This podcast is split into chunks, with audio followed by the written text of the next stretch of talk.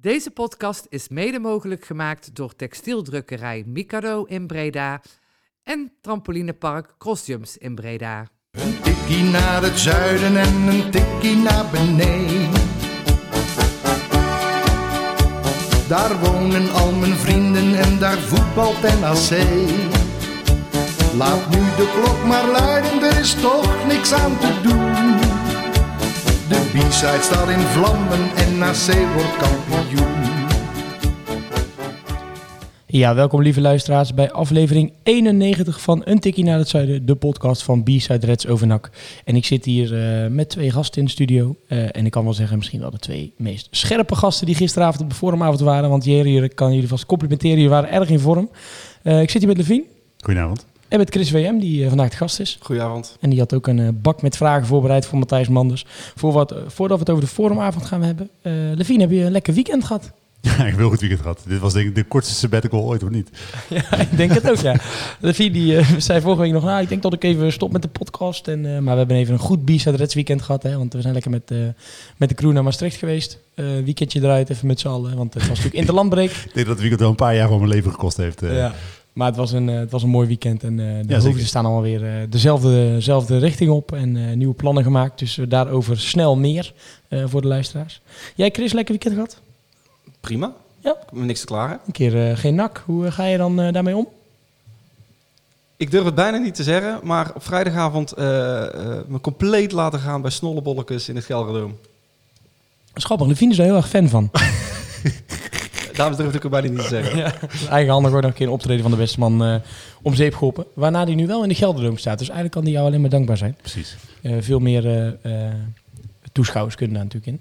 Ja, heren, eh, lekker weekend gehad dus. Maar gisteravond was het natuurlijk weer serieuze koek. Want we waren er alle drie bij. eh, samen met ons nog een eh, honderdtal andere NAC-supporters.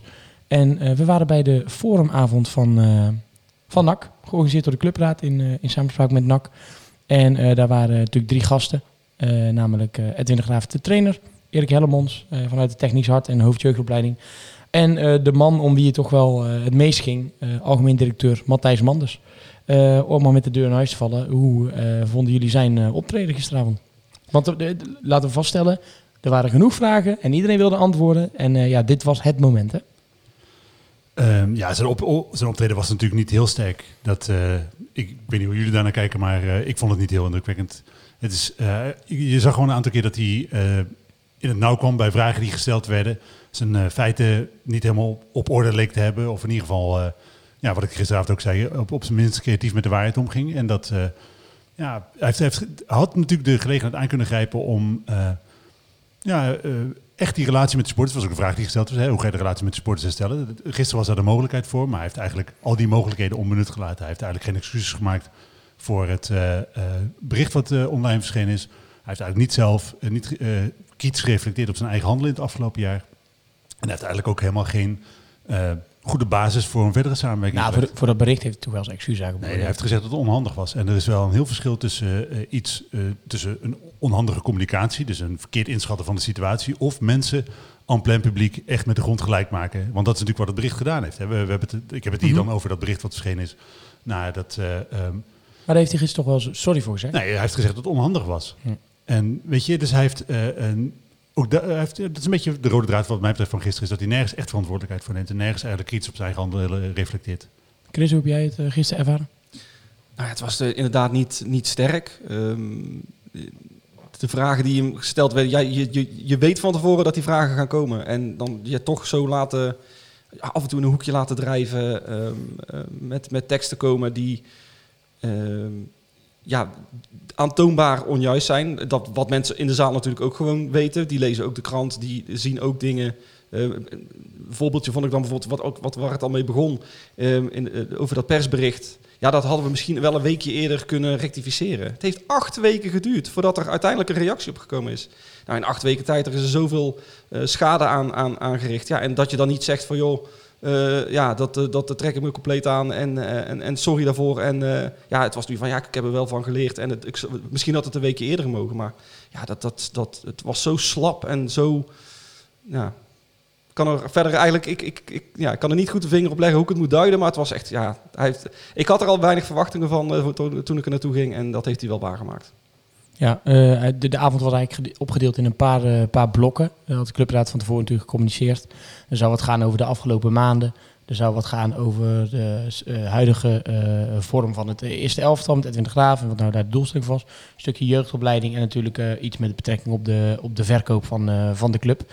Uh, uh, daar begon gelijk eigenlijk uh, bij het eerste onderwerp de afgelopen maanden toch wel een, een pittige discussie. Want nadat Matthijs een, een monoloog had gegeven over hoe hij de afgelopen maanden had ervaren en eigenlijk begonnen was bij het moment dat Maurice Stijn werd ontslagen, ging jij daar toch best wel fel tegen in, Levine. Want jij zei ja, je pakt nu gewoon echt een willekeurig moment om te beginnen.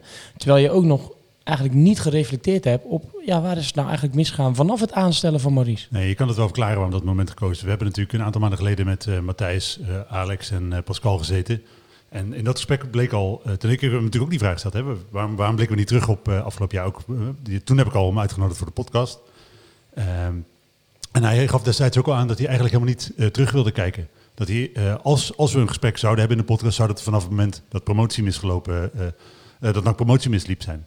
Dus ik snap heel goed dat in het gesprek met eh, de clubraad uiteindelijk Matthijs daar ook eh, gezegd heeft, ja, in ieder geval dat is mijn inschatting. Hè? Ik weet vrij zeker dat ik dat, dat goed inschat. Uh, gezegd heeft, ik wil wel aanschuiven, maar we gaan niet volledig terugblikken op het afgelopen seizoen. We pakken het moment na eigenlijk nadat alles geëscaleerd is omdat dat natuurlijk een moment is vanuit waar je kan terugblikken van ja, het was wel heel erg wat er toen allemaal is gebeurd en daarna heb je het allemaal beter proberen te maken. Exact, en dat, dat is waar, waar ik gisteren ook geïrriteerd om raakte. Je, je gaat dan, uh, een, wat mij betreft, noodzakelijke uh, reflectie op afgelopen seizoen uit de weg.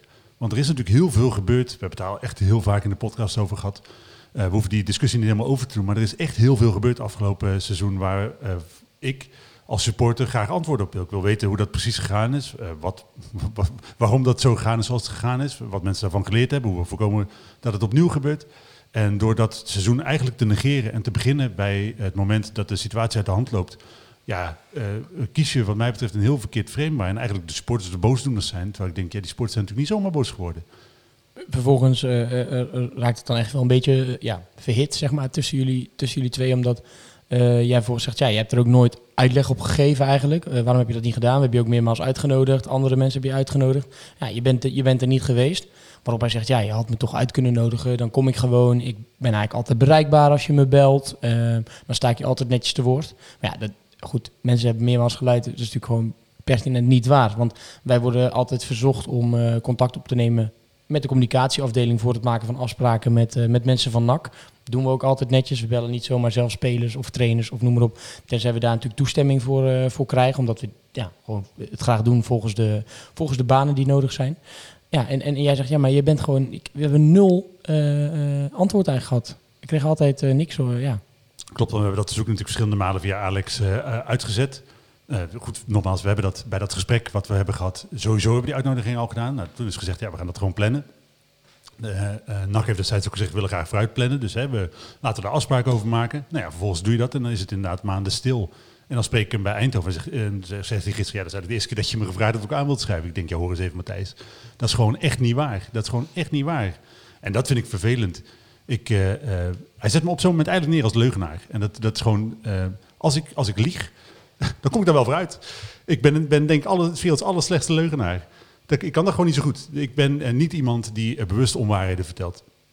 Nee, en uh, dat ik dan neergezet word als leugenaar en dat hij, ja, dat vind ik gewoon niet fair. Dat vind ik gewoon echt niet netjes. En hij, na afloop van de, van de podcast, wil ik zeggen, van de afloop van de forma, heeft hij wel een beetje geprobeerd dat te repareren. eigenlijk door het ja, simpelweg af te schuiven op zijn communicatieafdeling. Daar kwam het een beetje op neer. Ik vind dat gewoon niet netjes. Dat, weet je, de, ik hoef, eh, als, als Alex luistert, ik hoef Alex niet uit, te leggen dat de relatie uh, niet altijd uh, soepel gaat. maar ik weet echt wel zeker dat, dat, dat dit verzoek bij Matthijs terecht te komen is. Ja, en ja, daar heeft hij natuurlijk uiteindelijk geen gehoor aan gegeven. en dan is het gewoon vervelend op het moment dat hij, op, dat, hij dat op zo'n avond wel zegt. Want dan, ja, dan, dan duw je het gesprek een beetje in, in de... Ja, vorige week omschreef het eigenlijk wel mooi. Hè, dat kinderspelletje met zo'n blokje en een rondje en een vierkantje. Probeer dat doorheen te duwen. Wat natuurlijk niet zo is. Uh, in ieder geval prettig dat je dan zelf was om daar wat, uh, wat op terug te zeggen natuurlijk. Uh, hoe, hoe, maakte jij dat moment mee, Chris? Jij zat eigenlijk vlakbij ons, dus het, was wel een ja, discussietje. Nou ja, goed. eh, Als trouwe podcastluisteraar, eh zowel van jullie als van jullie collega's, eh, weet ik dat het meermaals voorbij is gekomen dat er verzoeken zijn uitgegaan en, en dat daar geen gehoor aan is gegeven. Eh, dus het, het verbaasde mij wel dat je daar dan, dan zegt van ja, ik weet van niks. Toen dacht ik nog van ja, heel naïef misschien. eh, zou er dan gewoon een, een, nu een, een intern communicatieprobleempje eh, blootgelegd worden? Dat, eh, dat de communicatieafdeling het niet aan Ma- Matthijs Manders doorgeeft? Ja, dat geloof ik dan niet. Het lijkt me dan eerder dat Matthijs Manders heeft gezegd... elk verzoek tot een interview, wimpel het af of neem het aan... maar ik hoef er niks over te horen. Dan kan je altijd ontkennen dat je die gehad hebt. En dat heeft hij dan ook, ook gedaan. Maar het, het was ook weer niet, niet sterk dat je... eh, ja, er zitten meer, meerdere mensen in de zaal die weten hoe het zit. En dan eh, gewoon ja, om, om, om je gezicht te redden of wat dan ook proberen. eh, dan dan sta, ja, gewoon ze gaan zitten liegen tegen, tegen, tegen de zaal. Dat ja, het slaat natuurlijk nergens op. Want ik sprak Leon eh, van de Rad eh, ook even en die zei ook, ja, we hebben ook een keer of vijf een verzoek gedaan. Dus het is, weet je, eh, Ja, en, en de Kikkerbres doen precies hetzelfde. hè.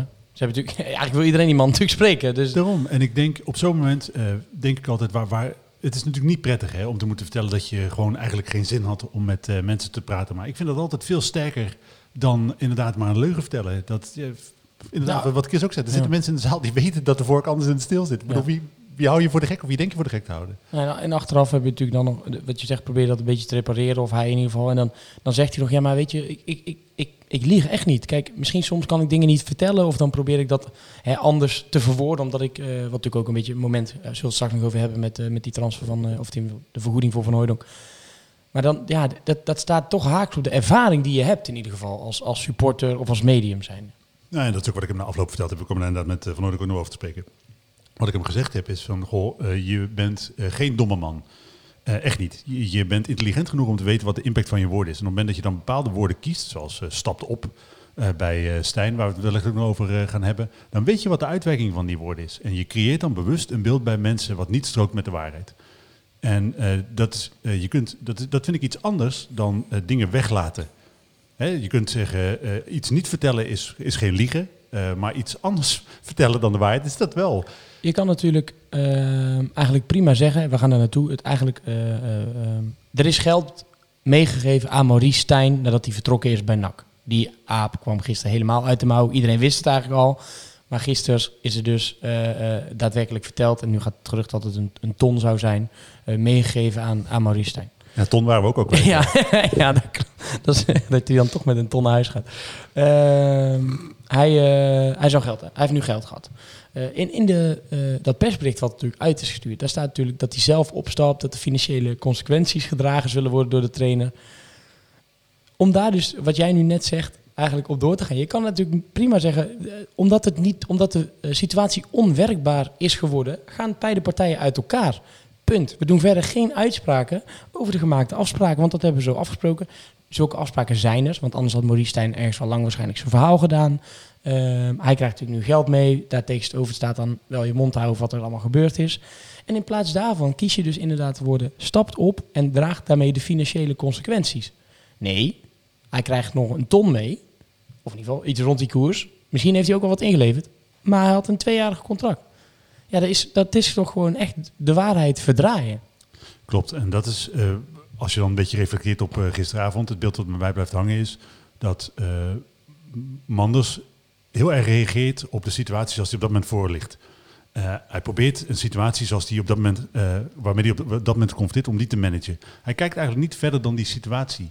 Zij is eigenlijk ook, lijkt het althans, niet helemaal bezig met wat nou het effect van zijn keuzes op korte termijn voor de lange termijn zijn. En hij wordt telkens in het afgelopen jaar ingehaald door de iets langere termijn. Dus door de gevolgen van de keuzes die hij eerder gemaakt heeft. En in plaats dat hij daarvan leert, eh, blijft hij dat herhalen. Waardoor, door inderdaad zeg maar, de waarheid te verdraaien, dingen anders eh, te presenteren dan ze zijn. Terwijl ik denk, het is helemaal niet zo heel moeilijk. Eh, uiteindelijk komen de meeste dingen die je doet, komen uit. Dus dan kan je er maar beter eerlijk over zijn. Dan is het verhaal wat je moet vertellen natuurlijk eigenlijk ook veel makkelijker. Opvallend daar ook vind ik, dus natuurlijk ook heel veel gaan gisteren ook nog heel even kort over dat ultimatum van supporters. Stijn moest weg. Dus, hij op een gegeven moment merkte Manders zelf, zei hij, eh, dat de situatie echt onhoudbaar was. Dat deze bui eh, niet zomaar over zou trekken, hoorde hij vanuit meerdere geleden. De situatie was onhoudbaar, maar daarmee creëer je toch eigenlijk het perfecte argument om daar ook eerlijk over te zijn. En te zeggen, ja, we hebben Marie Stijn ontslagen. Want dat, daar vroegen jullie allemaal om. En eh, de situatie was on- onhoudbaar. Dus we hebben hem eruit gekikt. Dus waarom zou je dan nog zo geheimzinnig doen over die afkoopsom? Ja, dat is ja, ook weer iets. Ja, waarom zou je het inderdaad doen? Als, ehm, eh, en ik heb ook al eh, eh, dingen al wat gehoord van sponsoren. eh Johan Gabriels heeft al een keer genoemd. Er was voor het überhaupt er een ul- ultimatum was, is er al met sponsoren contact opgenomen om waar, waar ze geld gingen, gingen inzamelen om, om in het, het spelersbudget te stoppen. Nou ja, als je de, eh, wat ook te, sprake kwam, moet geloven, eh, gaat het financieel best prima. Dus waarom zou je dat doen? In mijn gevoel bekruipt dat ze toen al bezig waren om inderdaad de afkoopsom bij elkaar te sprokkelen. En is het ultimatum is dan een perfecte manier of reden geweest om eh, ja, spectaculair afscheid te nemen. Maar dan nog, en dat heb ik ja, gisteren, ik, ik had die vraag gesteld en die microfoon die was te weg, dus ik heb het ook naar hem toe geroepen. Van waarom als een situatie zo is dat je dus inderdaad eh, met goed, wederzijds goed vinden uit elkaar bent gegaan, waarom zeg je dat dan niet gewoon? Waarom is het niet gewoon, eh, jongens, eh, het werkt niet, we gaan uit elkaar. Waarom moet je er dan inderdaad dit van maken van hij stapt op? Waarna hij dus dan inderdaad dan, dat moment met de microfoon in zijn hand zegt van ja, we zijn, we zijn uit elkaar gegaan. Ja, er is dus blijkbaar niemand geweest in de, in de organisatie die ook toen heeft nagedacht. Dat is natuurlijk Manders die, die, die niet verder denkt dan eh, de korte termijn. Maar er is dus blijkbaar ook niemand in de organisatie zelf die zegt van ja, we weten allemaal hoe het zit en dit gaat ook wel uitkomen. Misschien moeten we dit eventjes anders verwoorden. Ja, en ik denk natuurlijk dat persbericht, dat, dat zei hij gisteren wel. Het is natuurlijk op het moment geschreven wat, waarbij de emotie heel hoog lag. Ja, niet maar- alleen maar niet nee, goed te de- praten, maar ik bedoel meer alleen de, eh, waarom dit zo is opgesteld. Ik kreeg het idee dat gewoon Maurice Stijn ernaast zat. Dat hij dat eigenlijk aan het vertellen was. Want het was een emotionele middag samen met Maurice en het was heftig. En net alsof ze samen dat bericht hebben, hebben zitten te tikken terwijl ze... eh, Maar ja, dat vond ik weer een heel zwak argument over dat Nee, het in de alle emotie, Ja. in alle emotie is geschreven.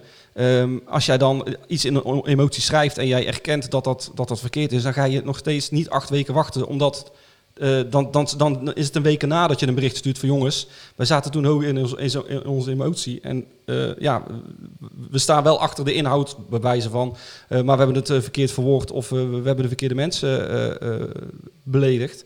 Maar dit is, als je zoiets in emotie schrijft, dan haal je dat heel snel, trek je dat weer terug. En omdat dat niet gebeurd is, is er echt wel over nagedacht. Laten we even beginnen met het feit dat het bericht niet in emotie door Matthijs Manders geschreven is. Dat is gewoon niet zo. Het is eh, gedicteerd door de aandeelhouders. Eh, volgens mij in samenwerking met een Amsterdams eh, tekstbureau is de, de tekst opgesteld. Matthijs Manders heeft aan die tekst zelf niks bijgedragen. Hij heeft er zijn handtekening onder gezet en dat is wat ik hem kwalijk neem.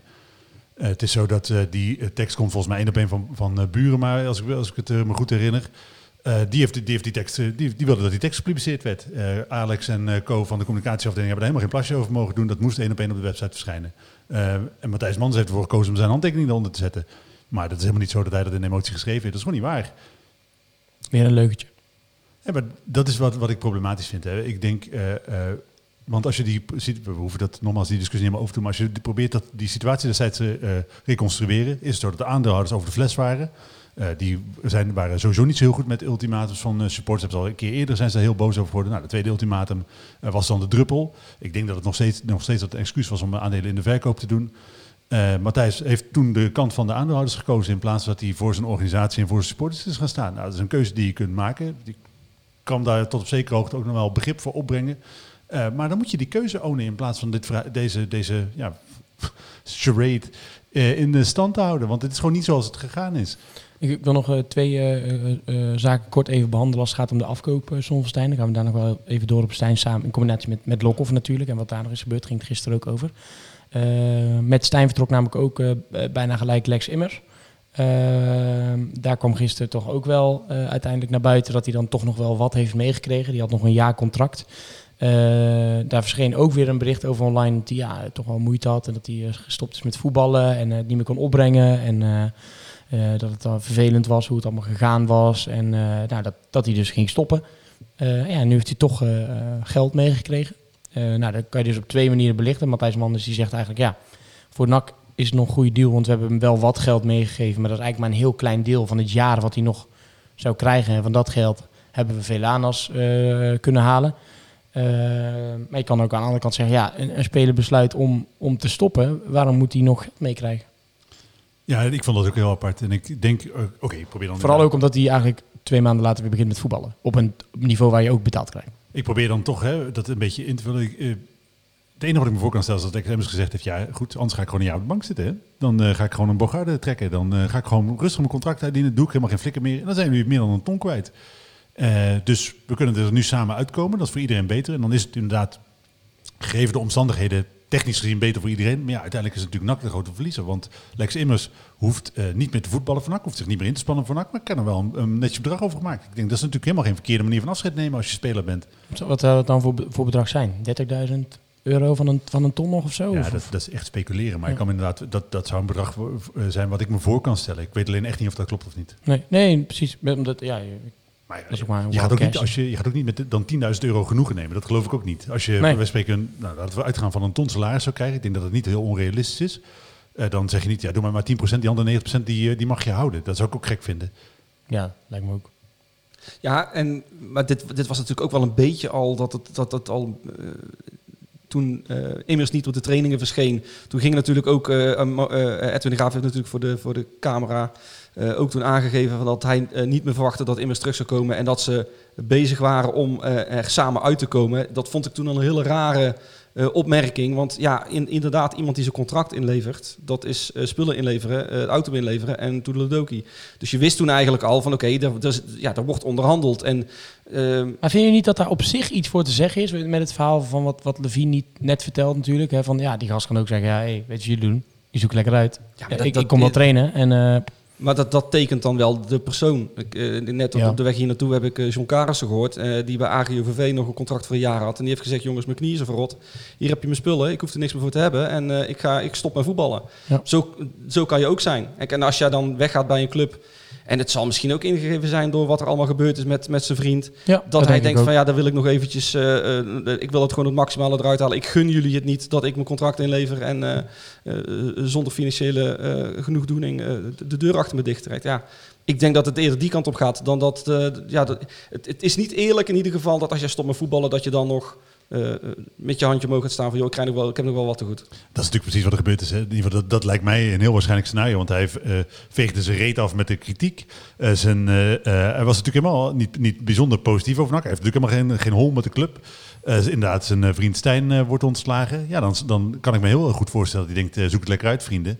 Dus eh, dat zou mij niks verbazen. Nee, en eh, ik moet toch credits geven voor de, de comment van de dag. Want onder het eh, artikeltje wat we hadden, hadden geschreven over, eh, over dit nieuws, dat hij toch geld meegekregen. Ik weet even uit, niet uit mijn hoofd wie er reageerde, maar er werd toch wel de legendarische opmerking gemaakt. Stijn tuurde ook nog een, eh, een tikkie naar het zuiden.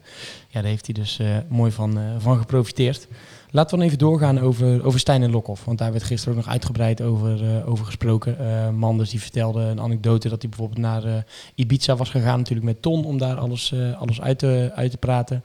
Eh, en dat hij eh, wist hoe laat het was toen eh, bij de heer een spaarroodje bestelde. Terwijl hij eigenlijk het idee had, ja ik gooi er wat wijn en wat bier in. En we gaan daar eens gewoon als mannen dat, dat oplossen. Eh, het probleem begint natuurlijk wel veel eerder. Want Manders gaf weer aan dat er veel gesprekken waren gevoerd met eh Lokhoff voor die kwam. Ook met Lokhoff en Stijn samen. En het was oude jongens krentenbrood. En oh, ken je die nog? Spreek je die nog? En eh, nou, dat is toch allebei wel het idee dat daar, dat daar iets moois uit kon, kon voortkomen. En Ton zou natuurlijk worden aangesteld. En er werd ook gezegd als iemand die met zijn poot in de klei en veel bij betrokken. En, en eigenlijk is vanaf dag één begrepen we dat, dat Ton het kantoor op kwam lopen of, Zundert, of, of het trainingscomplex van Zundert. En het was mot tussen die twee. Het was gewoon het was een onwerkbare situatie volgens Manders. Wat, eh, als je dat eh, verhaal van gisteren hoorde, eh, heeft Manders geen moment kritisch, zich kritisch uitgelaten over het presteren of het gedrag van Maurice Stijn. Maar Lokhoff nog wel even een trap nagegeven. Ja, help, me heel, help me heel even met de naam, wie die vraag stelde. Want dat stelde je net die in de vraag die ik... eh, dat, dat, dat, William. Met, ja, William Vogels. William Vogels, eh, die stelde gisteren, vond ik echt een hele goede vraag. Die zei, joh, eh, Matthijs, probeer me nou eens uit te leggen hoe het nou kan dat je... Een, ik zat eigenlijk ook met die vraag in mijn hoofd, dus ik was blij dat die gesteld werd. Dat je eigenlijk een, een, een technisch manager aanstelt. Iemand die de lijnen uit moet zetten voor je club. Wat er de komende jaren gaat gebeuren. Hij had natuurlijk een stappenplan gemaakt. Wat er allemaal moest veranderen binnen die organisatie. Nou, zo iemand neem je aan om een beleid te maken. Vervolgens, eh, dus manager, hè? dat is belangrijk in deze. En vervolgens eh, krijgt hij eigenlijk ruzie met de trainer, een werknemer. Hoe kan het nou zo zijn dat die, dat die manager uiteindelijk het onderspit delft?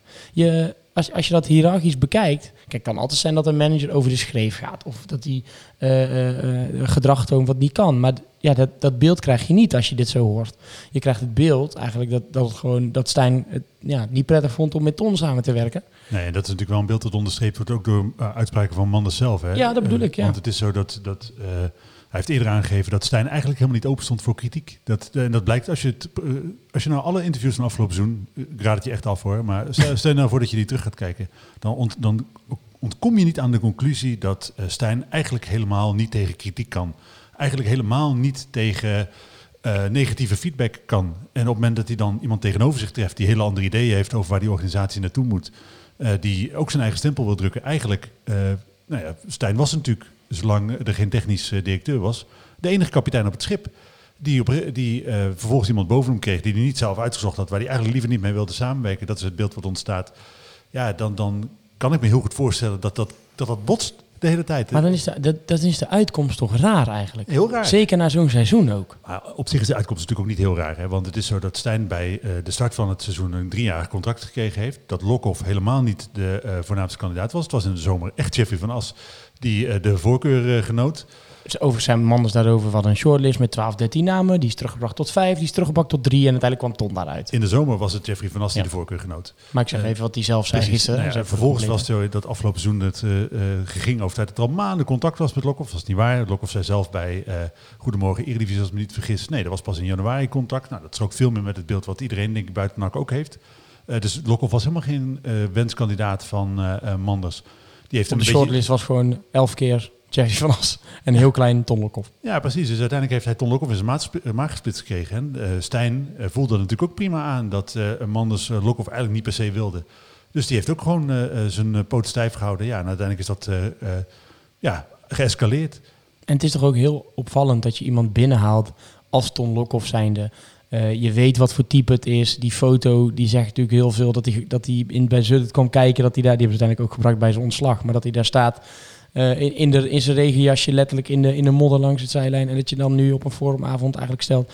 ja, maar misschien was het voor Ton ook wel een beetje heftig... om ineens een kantoorbaan te krijgen... en uh, heel veel achter zijn laptopje te zitten. Terwijl ik ook hoor dat hij dus een tien-stappenplan gemaakt zou hebben. Dus... Het verhaal wat al veel vaker gedeeld is. Hè? Het was inderdaad zo dat uh, niet eens met Excel om zou kunnen gaan. dat hij eigenlijk van computers geen hol verstand had. dat, is een beetje, dat zijn verhalen die vanuit de organisatie komen over Lokhoff. En dat was ook gisteren weer wat ik zei. Het is zo dat... dat Stijn volledig uit de wind gehouden wordt, maar dat Lokhoff een trap nakrijgt. Dat, uh, ik vind dat gewoon niet, ik vind dat helemaal niet chic. Ik vind dat helemaal niet chic. Uh, echt niet. Nee, nu, nu gaat er ook, ik, ik hoor het onder andere ook inderdaad bij de gegenpressing. Uh, ik heb hem ook even geluisterd alvast. Het verhaal gaat dat Ton, ja, die zou toch ook geld hebben meegekregen. En je ziet op Twitter wat mensen die dat, uh, die dat roepen. Volgens John Karels ook pertinent onzin dat uh, uh, Ton geld over zou hebben gehouden aan het, um, het ontslag eigenlijk, of zijn weggaan. Ik weet niet hoe dat bij jullie zit, maar ik heb ook nog nooit gehoord, een, nog nooit een ander verhaal gehoord dan dat Lokhoff zei, weet je wat, zoek het lekker uit. En dat hij weg is gegaan. Ik, kan me ook, ik geloof ook echt niet dat Ton dan letterlijk nog een ton zou vragen om, om, om mee te krijgen. Zijn zakken gevuld in het buitenland ja. en die zouden voor een ton, dat is, dat is ja, dat, dat, dat geloof ik ook echt niet. Misschien treed je, na, misschien treed je nog wat bier, nee, maar, maar ik, voor de rest niet. Denk ik denk, uh, die man uh, die heeft uh, zijn, zijn halve voetballeven bij NAC gespeeld, weet je, van in de jeugd gespeeld, twee periodes als speler meegemaakt, lang assistent geweest, hoofdtrainer geweest. Die komt nu aan het einde van zijn carrière terug om uh, technisch directeur te worden. En die zou dan, op het moment dat het even tegen zit, de club uh, financieel uitknijpen. Dat geloof ik gewoon niet. Dat geloof ik echt niet. Nee, dat geloof ik ook dat geloof niet. ik echt niet. Terwijl het uh, van Stijn weet je van zijn eerdere ontslagen dat het wel iemand is die het uh, financieel het onderste uit de kan haalt. Ja, ja gewoon vervelend. Ik, ja. Want, want ja, het blokje Manders, ja, er is natuurlijk nog meer besproken en er zullen straks nog, nog meer zaken komen. Maar even over, ik wil als tussendoor een beetje, probeer een beetje de balans op te maken nu eigenlijk. Je hoort toch nu weer zoveel dingen die gewoon ja, eigenlijk anders zijn gegaan dan hij ze vertelt of dat hij antwoord geeft. Ja, hoe, hoe moeilijk is dat nou? Hoeveel waarde moeten we hier nu op dit moment aan hechten? Ik vind het heel moeilijk om in te schatten wat, wat, hoe hij zijn eigen toekomst ziet. Dat, die vraag is eigenlijk niet uh, gesteld gisteren. Achteraf dacht ik dat we misschien wel moeten stellen. Nou, dat komt binnenkort in de podcast. Dus dan... Gaan we die stellen? Nee, maar dat is natuurlijk wel interessant. Hè? Want uh, uh, als je altijd maar, de altijd maar aan de korte termijn denkt... Dan, en de lange termijn dus, hè, dat hebben we gezegd, altijd volledig uit het oog verliest. En ook gisteren helemaal niet de, gelegen, de beste gelegenheid aangrijpt om met een schone lijn te beginnen dan weet ik inderdaad niet zo goed wat je nou precies beoogt en waar je nou heen wil en wat je nou van plan bent. Maar ook over, letterlijk over alles eigenlijk draaien en, en, en, en die waarheid proberen te verdraaien. Ik bedoel, uh, Tjerk die deed de, deed de presentatie letterlijk is zondag heeft hij bij Spraakvermaak gezeten, Matthijs Manders. Daar was dat als journalist van de BN De Stem. Eh, eh, die heeft daar het verhaal opgetekend. Ging eigenlijk alleen maar over Manders. Dus ik denk dat die andere gast niet super interessant was. Ehm, ja, dat denk ik. Daar was de commissaris van de Koning, maar die zal geen interessant verhaal hebben gehad. Ehm, vervolgens eh, laat hij daar onder andere in optekenen... je kan niet dag en nacht communiceren met je supporters. 17e staan is, is maar scorebordjournalistiek. Tjerk, die, die, die eigenlijk gedurende die avond best goed deed. En natuurlijk, ja, voor hem is het ook lastig, want je moet afspraken maken met de club, maar je wil ook de supporters. Dus dat, je zag dat hij daar soms een beetje mee struggelde. Maar op dit punt liep hij een keer, oh, dus je moet eigenlijk, want Matthijs Manders gaf zelf aan, ja, het is gewoon belangrijk om veel met je supporters in gesprek te zijn. Oh, dus je moet eigenlijk wel dag en nacht communiceren met je supporters. Nee, ja, gisteren zei je iets anders. Hoezo? Nee, Wat was heb ik niet gezegd. Wat Wat, was wat, wat was er Ja. gisteren? Dat is toch, dat is toch heel raar, of niet? Ja, dat, dat, is, dat is heel raar. Dat, maar dat is, dan, het, het, dat is dan eigenlijk wel weer wat bevestiging iets wat ja. Levine zei. Dat op dat moment, dan zeg je iets. eh, maar maar hij, hij- om je uit de situ- situatie te redden, dan roep je iets zonder te- te weten blijkbaar wat je gezegd hebt. En dan de dag erna ben je het alweer kwijt. Kijk, oprecht dat hij eh, gestopt is met Twitter. Omdat hij daar eh, naar eigen zeggen hè, uitgemaakt wordt voor rotte vis. Elke keer als hij daar iets op zet, noem maar op. Zeg dat dan ook gewoon. Stuur zet gewoon als laatste tweetje, jongens. eh, eh, ik, ik ga hier niet meer communiceren, want het kan niet op een normale manier. Eh, groetjes Matthijs. Ehm, dat, als hij daarop doelt, dan kan je daar toch op terughalen. Ja, ik bedoel, je kan niet al de dag nacht communiceren via Twitter, want dan word je toch alleen maar uitgemaakt of noem maar op. Maar hij legt weer niks uit. En het is ook dus niet iets dat je iets aan het verdraaien bent van wat negen maanden geleden gebeurd is. Of dat je daar de, de, het, verhaal wat anders probeert te vertellen. Je zat gisteren in een stoel in, in Ter Heide waar je een vraag hebt beantwoord waarin je zegt... ja, je kan niet dag en nacht communiceren met je porters. Is toch weird? Ja, dat is ook heel apart. Oké, ja. Ja. Ja, ja ik, ik dit is blijf gewoon verbaasd, man. Nou goed. Ja, Ik vond ook zo'n aparte opmerking over ehm, dat hij toen, eh, om, om een beetje de stemming te peilen, dat, dat, dat hebben we ook allemaal meegekregen, dat hij toen op, LinkedIn een bericht had geplaatst. Eh dan kreeg je ook weer een klaagzang van ja, en er werd allemaal. eh, de commentaren die eronder stonden, die waren niet mals. Nou, ik heb ze gelezen, dat viel best wel mee. Volgens mij ook, want Maar het waren LinkedIn ook- is een zakelijk platform. Daar gaat ook niet... Precies. Ja. De- ik denk dat, dat van de mensen die daarop reageerden, dat 9 van de 10 mensen gewoon sponsoren waren. Die hem tot eh, ver- verantwoording riepen. Van joh, kom eens met excuses. Maar ook dat dan, eigenlijk beledigt hij dan iedereen weer door te zeggen van ja, daar kreeg ik ook de meest waanzinnige commentaren op. Nou, dat, viel, dat viel al mee, dat is één. En twee, het zijn wel je supporters. Plus, eh, die commentaren komen niet zomaar uit de lucht vallen. Hè? Het is niet zo dat mensen, eh, omdat ze jou een penis vinden, eh, denken: Oh, ik ga iedere gelegenheid aangrijpen om Matthijs Manders helemaal in de grond te boren. Dat is helemaal niet wat het werkt. Je Mensen- zult, altijd, je zult echt wel één of twee eh, Klopt, klopt, tussen hebben, klopt, hoor. Dat moet ik ook zeggen. Ik bedoel, het- Maar de meeste mensen zijn best wel redelijk en Ja. die zijn gewoon waren gewoon gekrenkt. En eh, om best wel goede redenen waren ze gekrenkt. zei iemand natuurlijk ook, oh ja, het is wel vervelend natuurlijk als je elke dag wordt uitgemaakt voor rotte vis. Waarom heeft eigenlijk acht weken een persbericht op jullie website gestaan waarin we allemaal uitgemaakt werden voor rotte vis? Waar hij natuurlijk wel van zei, ja, eh, was niet goed, moeten we voor niks anders doen. Ehm, eh, niet iedereen is schorrimorrie. Ehm ja, daar is ook al genoeg. eh, En genoeg. na afloop heb ik hem ook nog even kort gesproken. Toen heb ik hem ook letterlijk gevraagd of hij de Telegraaf wel eens leest. En nee, ja, de Telegraaf, dat is net als bij de stem, die lees ik niet. Ik zeg maar, jij kent het verhaal wel van de ME die klaar stond. En ja, ja, dat heb ik gelezen, ja. Maar ja, dat, ja, dat was natuurlijk niet waar. Oké, prima. Maar als je dus een persbericht schrijft en daarna komt er een bericht waar eh, aantoonbare leugens in staan. Waarom is dat dan niet een trigger geweest om te zeggen van oké, nu ga ik er eens even op reageren. Want nu worden er echt, nu worden er dingen bijgehaald die niet kloppen. En BNStem lees ik niet. Hij stuurt interne mails naar iedereen waarin zegt dat, dat, er, dat er leugens staan in de BN-stem. Weer, Eh, weer een tegenstrijdigheid ja. inderdaad. Maar Dat is sowieso mooi, hè? En bovendien, hoezo lees je die shit niet? Het gaat maar- over je club. Niemand leest eh, de krant, niemand hoort de podcast, maar iedereen is er wel boos om. Is zo. klopt. Maar goed, dus, dus, en ook daar gaf hij dan weer aan... eh, ja, ik, ik kan niet op elke eh, eh, artikel of alles in de media gaan reageren. Ja, dit is natuurlijk een, een, een, een moment geweest waarin je dus wel moet reageren. Als je dus je club, waar het al ontzettend, die on- ontzettend slecht in de media natuurlijk behandeld eh, eh, wordt, waar er dan ook nog eens aantoonbare leugens door een ander, eh, en we kunnen wel raden welke hoek dat zit. Maar, eh, ja, dat, dat, is sterk vermoeden.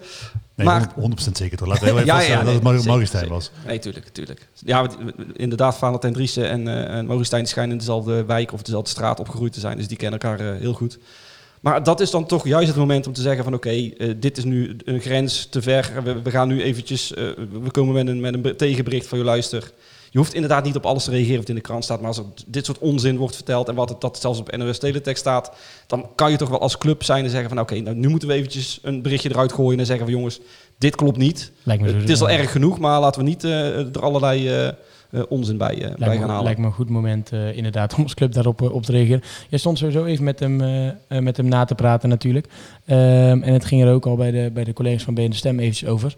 Ehm, ja, ik, ik, ik, vond het eigenlijk te bizar voor woorden toen je het je net vertelde. Want ik wist niet wie het, aan wie dit verteld had. Maar eh eh ja, dan Blank en Joost Blauwhoff die kwamen natuurlijk bij de forumavond. Dat daar nieuws te halen is. Joost Blauw heeft ook zo'n seizoenkaart. Dus die is eigenlijk daar sowieso welkom. Eh, en daar werd, ja, het, het was toch eigenlijk wel... Ja, Matthijs Manders had ze eigenlijk daar liever niet gehad. Nee, klopt. En eh, toen ik dit verhaal in eerste instantie eh, hoorde, dacht ik, ja, eh, oké, ja, hoe, hoe, hoe heeft hij zich dan geuit? Maar ja, ik, ik ken jou als een goud eerlijke, goud eerlijke jongen. En jij zegt, ja, Mat- Matthijs Manders heeft letterlijk tegen mij gezegd dat hij zich geprobeerd heeft van de gastenlijst af te halen. Wij stonden met een, eh, met een clubje bij elkaar inderdaad. Ehm, er was één medesupporter bij die ook eh, niet veel op heeft met de Stem. En die voeden hem een beetje met, eh, of voeden hem een beetje met, eh, met, met van ja, waarom, waarom heb je ze überhaupt uitgenodigd? Waarom zitten ze hier? Want ze mogen geen vraag stellen, waarom zitten ze hier? Ze zitten allemaal zo negatief. Ja, en toen zei hij van ja, ik, eh, voor mij hadden ze ook liever, eh, eh, ik had ze ook liever niet, niet bij gehad. En dat hij een lijst had eh, gezien met, met, met de mensen die, eh, die zouden komen. Ehm, eh, en dat hij met, eh, met Alex dan eh, een- een- een- ja, de vraag heeft gesteld van joh, waarom staan die jongens erop? En dat, dat Alex wel een beetje iets af. Ja, we kunnen niet nu in één keer ben je de stem er vanaf gaan gooien. Want dan weet je helemaal dat het, eh, dat het gaat escaleren. Maar ja, het gaf wel aan dat eh Matthijs eh, eh, ja, de, de, de mening deelde van de, de medesupporter dat eh ja, ben je de stem te negatief was. En dat hij ze liever er niet bij had gehad. Ja, ja, is toch heel raar? Ja, ik vind het ook niet sterk. Ik ben altijd, maar goed, de, de, nou herhaal ik een beetje wat ik eerder gezegd heb. Ik denk op het moment dat je gewoon eerlijk bent, eh, dan is het niet altijd fijn om de confrontatie met de realiteit aan te gaan. En ook met de confrontatie met je sport, met je achterban aan te gaan. Maar ik denk, als je gewoon eerlijk bent, ja, waarom zou BN de Stem dat niet mogen weten? Waarom zouden die daar eh, dat niet mogen optekenen? En ik weet, natuurlijk iedereen weet, eh, dat de relatie tussen NAC en BN de Stem best wel verzuurd is. Dat eh, Ma- Matthijs en eh, Jadran, nou goed, de mensen die de Gegenpress geluisterd hebben, zullen het wel uitgebreid toegelicht hebben gekregen. Dat die geen vrienden zijn, die gisteravond nog ruzie hebben staan maken. Ja, dat was niet heel gezellig. Wij zijn eh 20 minuten te vroeg naar huis gegaan, want blijkbaar is er nog best wel een discussie geweest tussen, tussen beide heren, waarin ja, de, de een zou hebben gezegd dat die ander eh, eh, niet meer eh, welkom eventueel zou zijn in het stadion en eh, met sancties is gedreigd. En de ander heeft gezegd eh, of eh, eh, de algemeen directeur het niet een beetje aan waanideeën eh, leidt. Eh, oprechte vraag vroeg hij, ja, stelde ja, maar leid je niet, leid je niet aan, aan waanideeën, Matthijs? Maar dat zegt wel iets over die relatie. Maar ik denk dat eh, hoe je het ook bent of keert en hoe eh, verzuurd die relatie ook is, eh, uiteindelijk is het wel een van de belangrijkste media eh, uit de regio. En ik denk, je zou altijd moeten proberen die op de een of andere manier binnenboord te houden. En bij zulke avonden als eh, deze, die eigenlijk gewoon georganiseerd zijn door supporters. Ja, goed, dan moet je het maar gewoon verdragen. Dan moet je gewoon niet moeilijk doen. Dan moet je gewoon daar gaan zitten en ook het verhaal aan hem vertellen. En je kan ook niet Ben stem weigeren en vervolgens daar wel, eh, weet ik veel, als bierzetred zijnde weet je ook dat het online komt. Dat als, wij, als wij daar gaan zitten, eh tenzij er voor, voorafgaand afspraken over gemaakt. Ook niet altijd. Maar, ehm, en en eh, Ronald Streeter, Omroep Brabant. Ja, maar hoor eens even, nogmaals, hè, dit is een door supporters georganiseerde Ja. eh, forumavond. Uiteindelijk is Matthijs Manders te gast en ik snap dat hij Ja. voorwaarden stelt. Nogmaals, het programma is een beetje op zijn eh, verzoek zo ingedeeld zoals Ja. het ingedeeld is. Daar ga ik echt van uit. Eh, maar hij heeft uiteindelijk gewoon ook maar, maar gewoon te accepteren Nee, dat daarom. Maar de- de- ook de supporters hadden kunnen Ja. zeggen, nou liever geen pers erbij of liever ja, niks dat erbij. had, ik ook ook. Dus onzin gevonden, want ik denk... had ik ook onzin gevonden. Maar dan, wat, wat daar, al- als, als er daar dingen gezegd worden die niet naar buiten mogen, moet je ze niet zeggen. Nee. Dat moet je gewoon niet zeggen. Nee. Dus alles wat daar eh, gezegd wordt is gewoon openbaar en uh, BNSM mag daar prima een, eh, een stukje van tikken. Ja, mooi bruggetje naar ehm, eh, eh, het laatste onderwerp. Voor nu even in ieder geval. Ja, er is heel veel besproken, maar we kunnen niet natuurlijk alles kwijt in, eh, in de podcast. Eh, met betrekking op eh, Matthijs Manders. En dan ging het eigenlijk weer nog over het geld wat eventueel nog wel of niet binnen gaat komen vanuit de verschillende eh, transfers. Eh, om te beginnen met uh, Anouar Kali. Uh, dat was namelijk misschien wel het kortste verhaal. Dus uh, nou, we hebben afspraken gemaakt met Viston. Die zouden per maand een bedrag Wel makkelijk dat daar iemand zit die precies weet hoe het contract toen de tijd in elkaar zat. De technisch directeur is ja, nu daarom, natuurlijk die kan degene die ja, die kant op heeft gestuurd. Die, dus. kan natuurlijk, die kan natuurlijk daar niet, niet over... Nee, dat is helemaal niet zo waar. Dat is niet afgesproken. Die man is niet te vertrouwen die aan de kant van de zat. Ton van de Ambelen zelf. Ehm, Dat is wel een betrouwbare gast, hè? Die heeft, eh, betaalt gewoon netjes rekening. ja, daarom. En die heeft eh, dus, eh, als het goed is, deze maand de laatste termijnbedrag overgemaakt voor wat er nog zou komen. Dat zullen geen miljoenen zijn, maar goed, er is in ieder geval betaald. Het geld wat is afgesproken, dat is binnen. Maar dat blijft ook gewoon een shady deal. Tuurlijk. Oké, maar goed, dat goed, is is een shady deal waar we geld Ja, hebben gekregen. ja. Dat, is- dat is één. Dat is één. Ja. Het tweede verhaal ging natuurlijk weer over, over Rai, Rai Vloed en Chiasso, waar hij vorige week nog zei dat eh NAC natuurlijk in het gelijk is gesteld door het kas. Dat ze bezig zijn om geld te krijgen. Dat ja, je toch van een kale clip niet kan plukken. Voegt hij daar nu eh, eigenlijk nog wel iets opmerkelijks aan toe. Wat ik op zich eh, helemaal niet verkeerd vind. Want het zou goed gaan met de, met de liquiditeit van NAC. En ze zouden dus een potje onvoorzien hebben ingebouwd. voor het feit dat ze geen geld meer zouden ontvangen voor de transfer van Vloed. Want Chiasso speelt inmiddels op het tweede niveau in Zwitserland, derde niveau. Heeft geen geld. Die kunnen die 3 ton, 3,5 ton gewoon niet betalen. Chiasso zou ook nog een zaak hebben lopen tegen, eh, tegen Frosinone. Als daar geld van komt, zou NAC dan eventueel aanspraak maken. En ze houden wel contact om te kijken hoe ze dat geld kunnen krijgen. Nou goed, ja, daar kan je van zeggen wat je wil. Maar als er inderdaad geen geld is en je kan het er niet halen... dan is het op voorhand een hele erge kutdeal geweest. Maar dan is dat niet het, pakje van Matthijs Manders, zeg maar. Want dat is natuurlijk ver daarvoor gebeurd. En dan vind ik het, wat ik zeg, al bijna naar beleid eh, eh, neigen... dat je daar nu een potje onvoorzien in hebt... als je toch een beetje geld over zou hebben. En binnenkort komt de jaarrekening, dus dan kunnen we ook zien of dat, eh, of dat inderdaad zo is. Die wordt eh, volgende week door de aandeelhouders besproken... en daarna eh, wordt die openbaar als het goed is. Ik vind dat je in dit, in dit verband Manders echt helemaal niks kan verwijten. Nee, het is zo niet. dat hij heeft de, de juridische stappen genomen die NAC kon nemen. Dat is namelijk uiteindelijk eh, is FIFA, het KAS, weet je al. Gewoon zorgen dat er een, eh, een definitieve uitspraak ligt. Nou ja, dat, met dat in handen kun je in ieder geval eh, aankloppen bij, eh bij Chiasso. Ja, Chiasso heeft inderdaad die vergelijkbare zaak met Frosinone lopen. Frosinone, daar hebben we volgens mij al eerder over gehad, zeggen... eh eh, Rai Vloed, ja, die had een hartafwijking. Wij kunnen daarom niet betalen. Doe je toch ook zelf? Trouwens, weet, ze hebben toch zelf die, die, die, die testen en dergelijke... doe je toch medische keuring? Ja, maar zij zeggen dus, omdat, we, Ja. omdat hij een hartafwijking had, is eigenlijk die overeenkomst niet geldig. Dat is een beetje het standpunt van eh Frosinone. Heeft volgens natuurlijk wel een aantal wedstrijden voor die jaar gespeeld. Dus het verhaal rammelt aan een aantal kanten. Eh, maar het is zo dat Chiasso zal nooit kunnen betalen voordat eh, zij in het gelijk gesteld zijn. Ze houden uiteindelijk 100.000 euro zelf aan die deal over. Dat was de afspraak. En dan gaat dus van die 400.000 die, Frozi- die, krijgt, zou dan 300.000 naar NAC moeten. Nou ja, dat- dat is wel een beetje hoe het is. En ik vind dat je Matthijs Manders daar niet heel veel kan verwijten. Nee. Dit is gewoon, ja, hij heeft gedaan wat hij, moet, wat hij kon doen. En ja, Hoe, hoe zou dat nou trouwens zo lopen? Ligt er dan gewoon een, een, een dwangbevel of zo nu ook bij Chiasso? Of houden mensen dat in de gaten dat op het moment dat die 4 ton wordt overgemaakt toch... dat het automatisch binnenkomt? Of wordt dan eerst alle lopende rekening betaald? Oh, we hebben nog maar 42.000 euro over. Ik denk dat eh, bij, bij Chiasso er dusdanig weinig geld is dat het gewoon een, een verhaal van de super lange adem wordt. eh, als zij niet voor die tijd failliet gaan. Eh, om dat geld binnen te krijgen. Het heeft natuurlijk met Amoa natuurlijk een goed voorbeeld. Het heeft ook weet ik veel lang geduurd eh, voordat het geld eindelijk binnen was. Ja, dat is een, eh, een proces waar je echt ja, jaren, misschien wel een decennium voor uit moet trekken. Wil je, dat, de laatste cent hebben. Dat is gewoon hoe het gaat. En er zijn in het internationale voetbal anders dan, want we hebben het natuurlijk over die opleidingsvoeding, gaan we het zo dadelijk hebben. Daar zitten best wel harde sancties aan. En dat, dat ligt wat gevoeliger volgens mij dan het wel of niet betalen van transfersommen. Ja, dit gaat gewoon heel lang duren. Dit gaat gewoon echt heel lang duren. En de FIFA eh, is, neemt geen licentie af, de, de- geen puntinmindering. Dat is gewoon, je kan het best wel lang rekken als, eh, niet, eh, als, als je als club niet wil betalen. Nee, nou en prima dat daar dan een potje onvoorzien voor is ingedekt, toch? Klopt. Ja, ik, ik, ik had ook wel begrepen dat eh, eh, de zaak van Chiasso en Frosinone nog bij het kas ligt. Ja.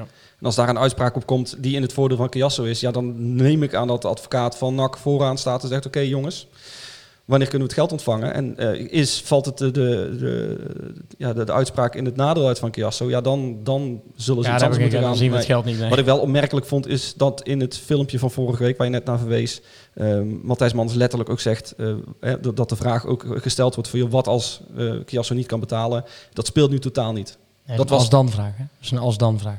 Ja, toch, ja precies. Ja, ja. precies. En, maar dat speelt nu totaal niet. En ja, nu een week later is hij al met de FIFA bezig om te kijken wat eh, de stappen kunnen zijn. Dus dat vind ik ook wel weer dat ik denk van... Communicatief is niet zo sterk, maar Nee. goed. eh, Maar goed, beleid eh, ja. technisch, hè, goed gedaan eh, in dat opzicht. Overigens ga ik er wel echt vanuit dat eh Chiasso die zaak van Frosinone zal winnen. Omdat het, het, het argument van Frosinone echt heel zwak is.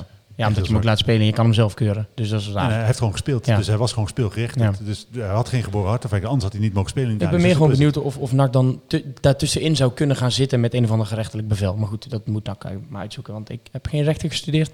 Eh, en dan de laatste deal. Natuurlijk Sidney van Hooijdonk. werd natuurlijk ook eh, eh, terecht naar gevraagd. En Matthijs Manders eh, begon welvarend en eh, eh, zei 100% dat eh, Bologna gaat betalen. Daar is eh, geen enkele twijfel over. Er is altijd goed contact geweest met de Italianen. Ze weten dat ze moeten betalen. Eh, ja, we zijn alleen nog toch over een klein detail nog... eh Eenie mini detail. Ja, eenie mini detail in gesprek. Daar leek het heel even te stokken. En toen heb ik toch zelf ook maar even aan de microfoon gevraagd. En zei ik, joh, maar ja, nu we dan toch bezig zijn met transparantie, ja, wat is dan dat detail? Ja, en toen begon het toch ook wel een, een, ja, iets aparts eigenlijk. Want hij zegt, ja, wat is er dan detail? Ja, dat heeft, is wel een beetje technisch, eh, maar het gaat over de reglementen, met de opleidingsvergoeding die je zou krijgen en in welke klassement de club zit. Maar als je dit verhaal, dus toen vroeg jij terecht, dat jij er naast mij zegt, joh, gaat het dan om het bedrag?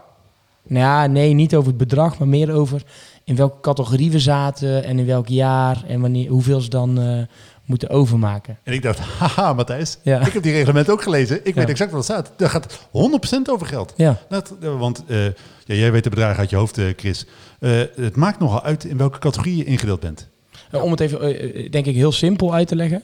Eh nou ja, doe jij het maar, maar Christian, want jij weet Nou ja, erbij ook. Uit mijn hoofd, je hebt vier categorieën. Ehm, en dat, ligt een beetje aan in welk land. eh, kijk, bijvoorbeeld een, een Italiaanse club. Eh, of, of de- die zitten in categorie 1. Eh, Nederland in principe zit daar eh, ook in op het hoogste niveau. Ja, precies. Ja, dat Ehm, dus- met de competitie onder andere waar je in speelt. Precies, ja. Dus in dit geval Italië, eh, eh, Bologna, dat, dat is niveau 1. Een NAC speelt in de tweede divisie Nederland, dan zit jij op ladder 2. Ehm, nu is het zo dat de bedragen, eh, categorie 1 is 90.000 euro per jaar, categorie 2 is 60.000 per jaar, categorie 3 is 30.000 per jaar en categorie 4 is eh 10.000 per jaar. Is natuurlijk ook, hè, om dat even te, te verbeelden, ehm, eh, waarom je vaak leest, oh, die speler is nog verkocht, amateurclub krijgt 30.000 euro, geweldig, want hij heeft hier drie jaar gespeeld, kunnen we heel de kantine van verbouwen. En natuurlijk bij NAC zijn er dan het om bedragen gaat als 3, 4 ton, omdat je natuurlijk in een hoge categorie zit. Omdat je ook meer kosten maakt voor een speler en dergelijke. Ehm, dus ja, in principe is er gewoon heel duidelijk... Oké, eh, Sidney van heeft bij NAC gespeeld van toen, eh, van dat jaar tot dat jaar. Eh, zoveel jaar is NAC, heeft de Eredivisie gespeeld. Zoveel jaar heeft NAC eh, Keukenkampioen-divisie gespeeld. Dit is de rekensom. Klaar. Ja, nou goed. Na lang doorzeuren bij Matthijs en gaat nou wel een bedrag, waar gaat het om, eh welk inimine detail is het, werd daar toch een antwoord op gegeven hem. Hij zegt ja, nou, ga ik het toch zeggen, maar weet je wat het is? Eh, er zitten natuurlijk ook mensen van de, van de krant en dergelijke. Ik moet soms met mail in mijn mond praten, want ik wil niet dat alles de volgende dag in de krant staat. Was grappig, was inleiding van het bericht vandaag in de krant, was die quote. Eh, hij zegt, want het zit namelijk zo, eh, we weten ongeveer waar we recht op hebben, maar we proberen er eigenlijk nog wat meer uit te halen dan die 375.000 euro, namelijk 485.000 euro.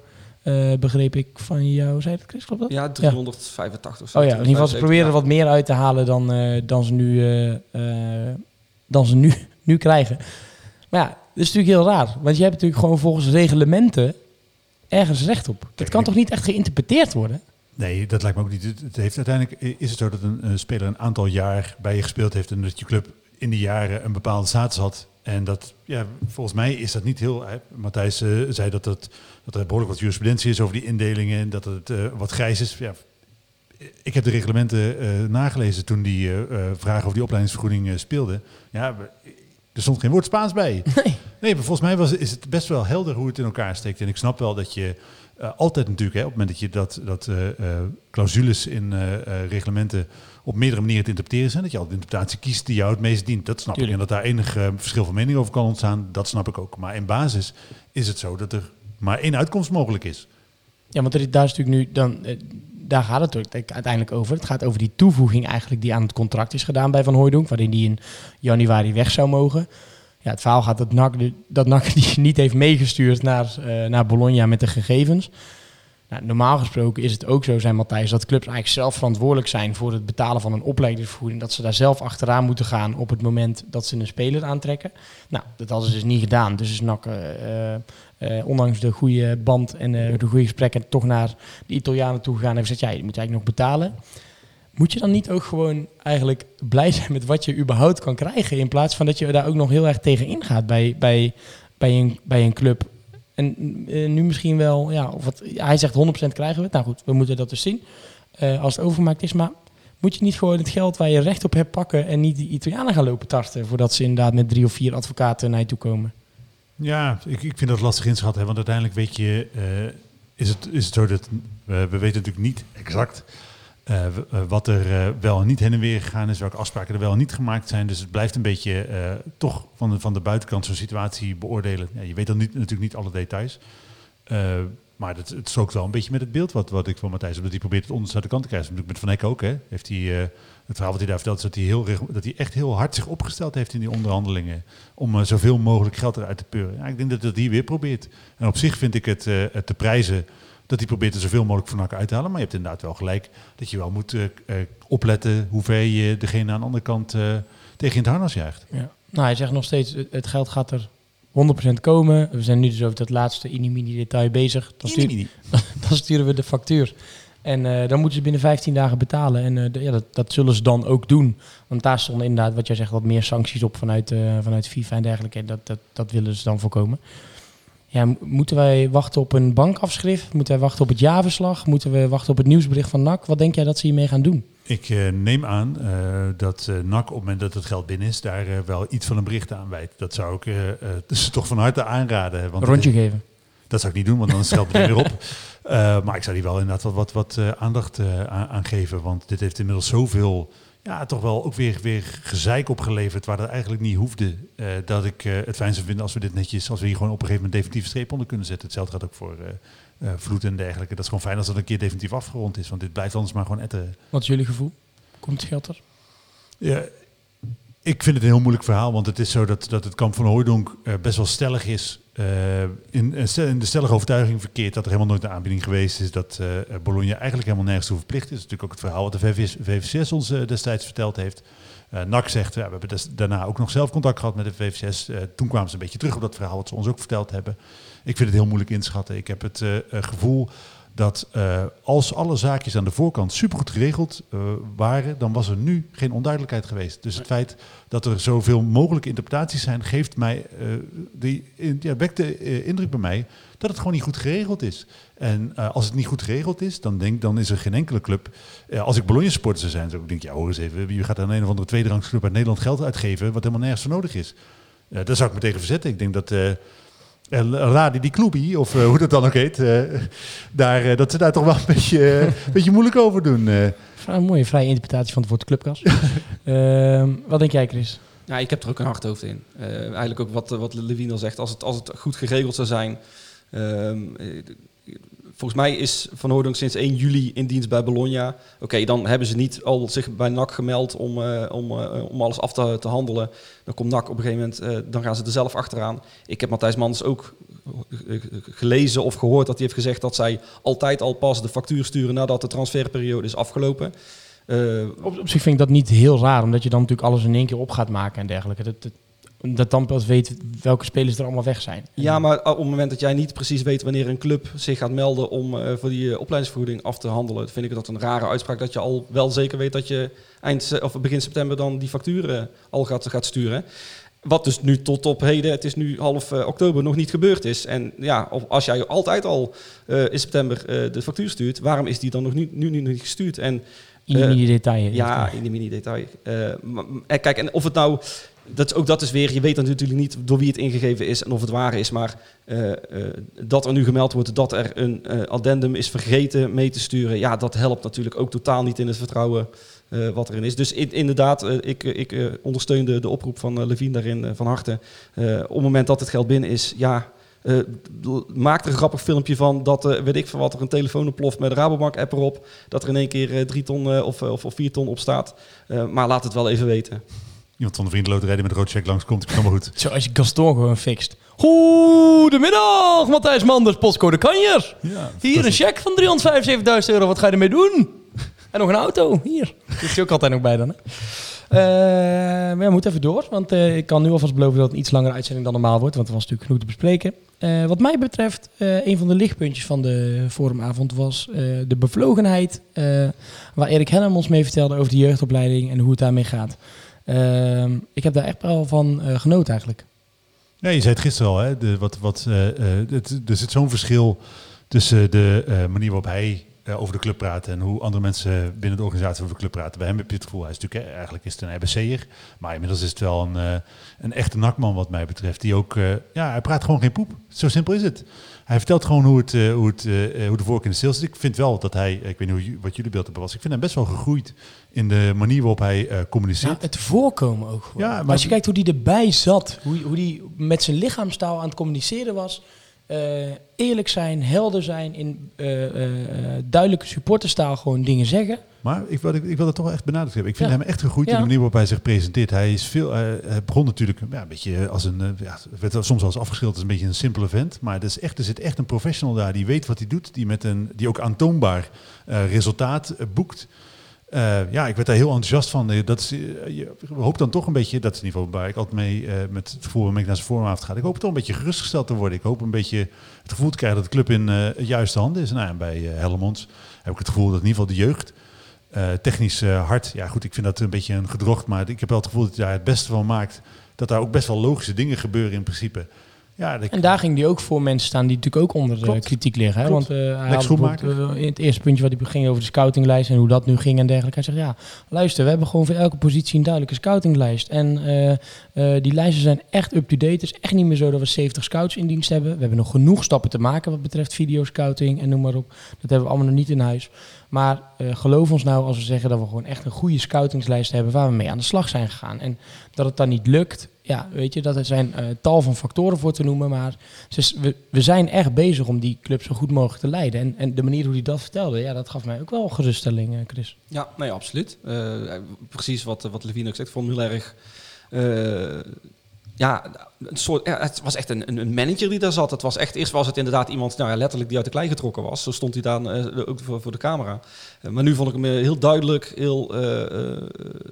liet, Misschien heeft het er ook mee te maken dat natuurlijk daarvoor Matthijs Manders aan het woord is geweest, die heel wollige termen praat en meer als een politicus. En dan vind ik Erik Hellemons dan, eh, ja, die is heel erg to the point, heel erg duidelijk, die zegt ook gewoon wat op staat. Soms zegt hij volgens mij ook dingen die hij niet mag zeggen, want ik zag af en toe Ma- Ma- Matthijs Manders een beetje moeilijk kijken. Eh, maar nee, dat- je weet dat in ieder geval dat de jeugdopleiding, dat is het enige wat al jarenlang functioneert bij NAC. Wat er daarboven ook gebeurt bij het eerste elftal, bij de jeugd was het altijd de baken van rust. En ja, dat straalde die ook echt wel, eh, dat straalde die echt uit. Ja, laten we een paar puntjes eh, even snel behandelen. Eh meest opvallende vond ik eigenlijk wel dat iemand vroeg, ja, waar kunnen we ons op dit moment nou mee vergelijken? Want al die NAC-elftallen spelen natuurlijk best wel op een hoog niveau.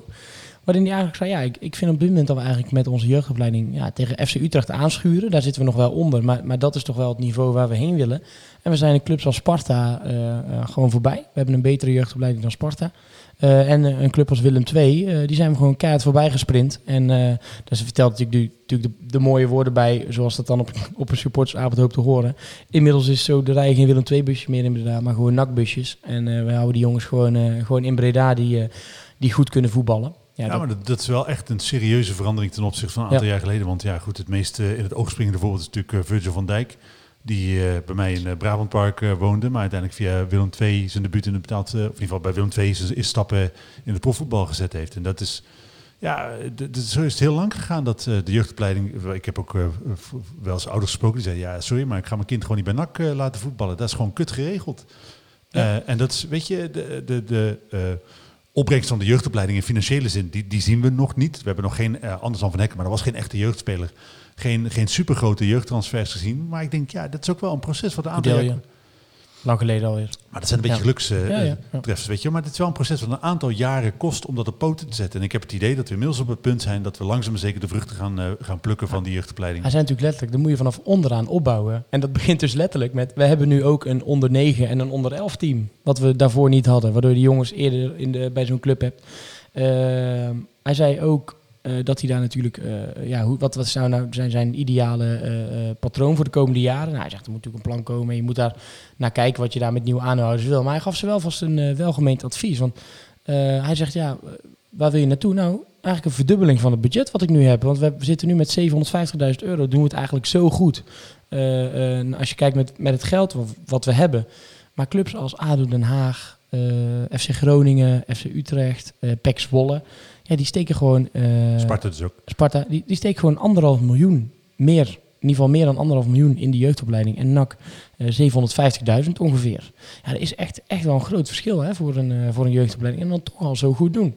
Ja, het is natuurlijk ook zo, want het is volgens mij onder Mommers werd op een gegeven moment nog maar 2,5 ton in de jeugdopleiding gestoken. Dus het is wel zo dat er, dat er fors meer geïnvesteerd wordt met in principe minder eh, eh, geld. Dus ik vind dat een goede keuze. Maar inderdaad, op het moment dat je straks de gelegenheid hebt om te investeren, dan is dit denk ik een van de belangrijkste pijlers van je organisatie waar je meer geld in stopt. En eh, daaruit voort zou kunnen vloeien dat je spelers eerder vast zou kunnen leggen. Talentvolle spelers die alle jeugdelftallen bijvoorbeeld eh, hebben doorlopen. Meest opvallend voorbeeld van nu is natuurlijk Mekawi. Die eh, al voor eh, Marokko eh, een paar keer is uitgekomen. Maar nu ook met Nederland op pad gaat, toernooien speelt.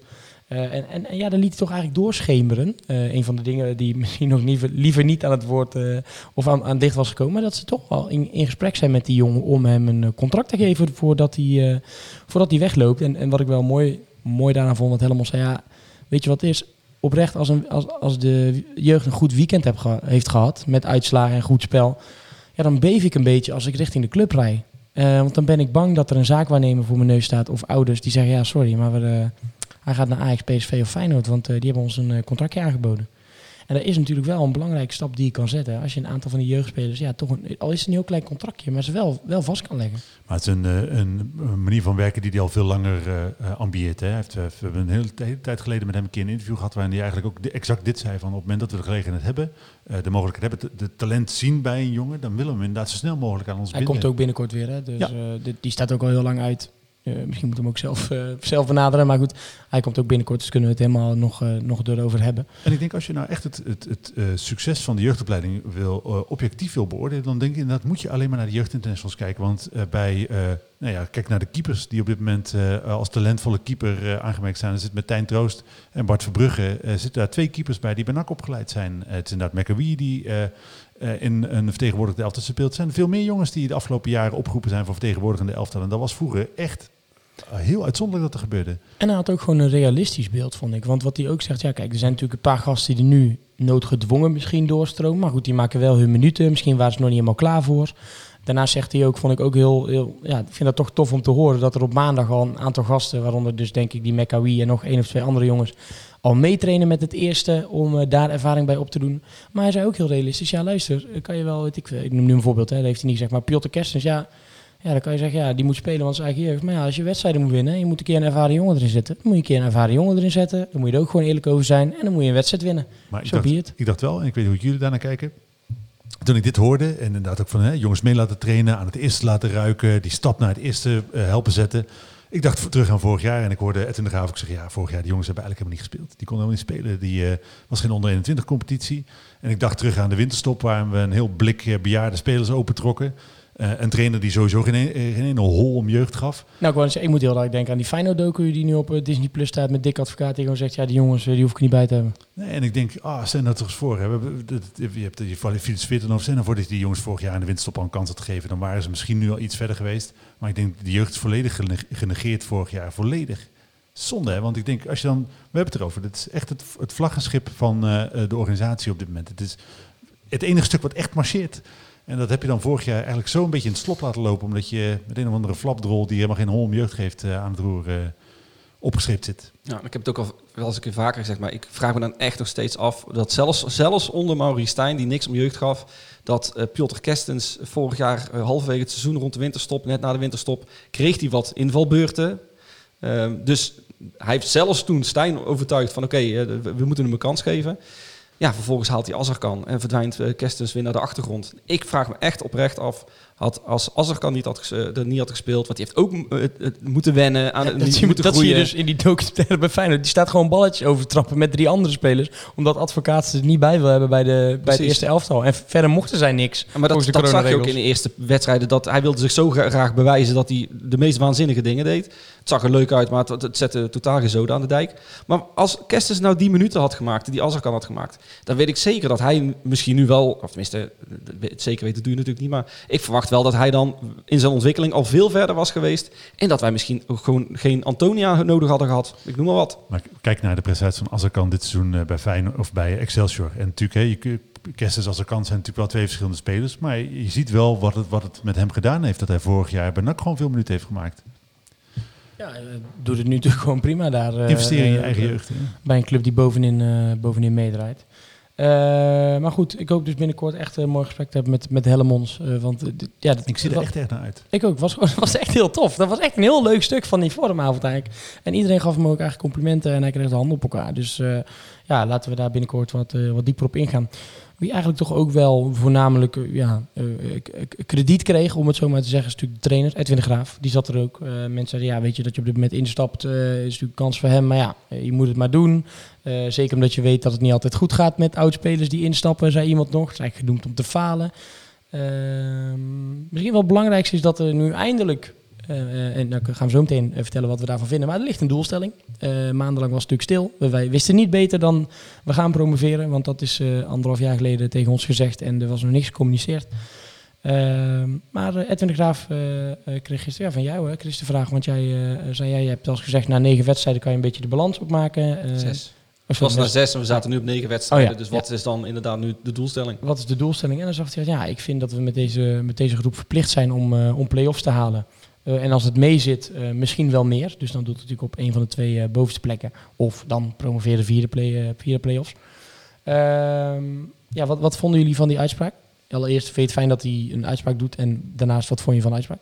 Ja, fijn dat hij een uitspraak doet. Ehm, dubbel gevoel over wat ik van die uitspraak vind. Want ik denk, als je gaat kijken naar de huidige situatie... we zitten natuurlijk inmiddels op negen wedstrijden. Ja, dat is toch al een behoorlijk eind zijn we onderweg in deze competitie. En je staat op dit moment 17. Dan denk ik realistisch gezien dat play-offs halen... eh, best wel een, eh, een, een, een reële doelstelling is. Ik denk dan wel...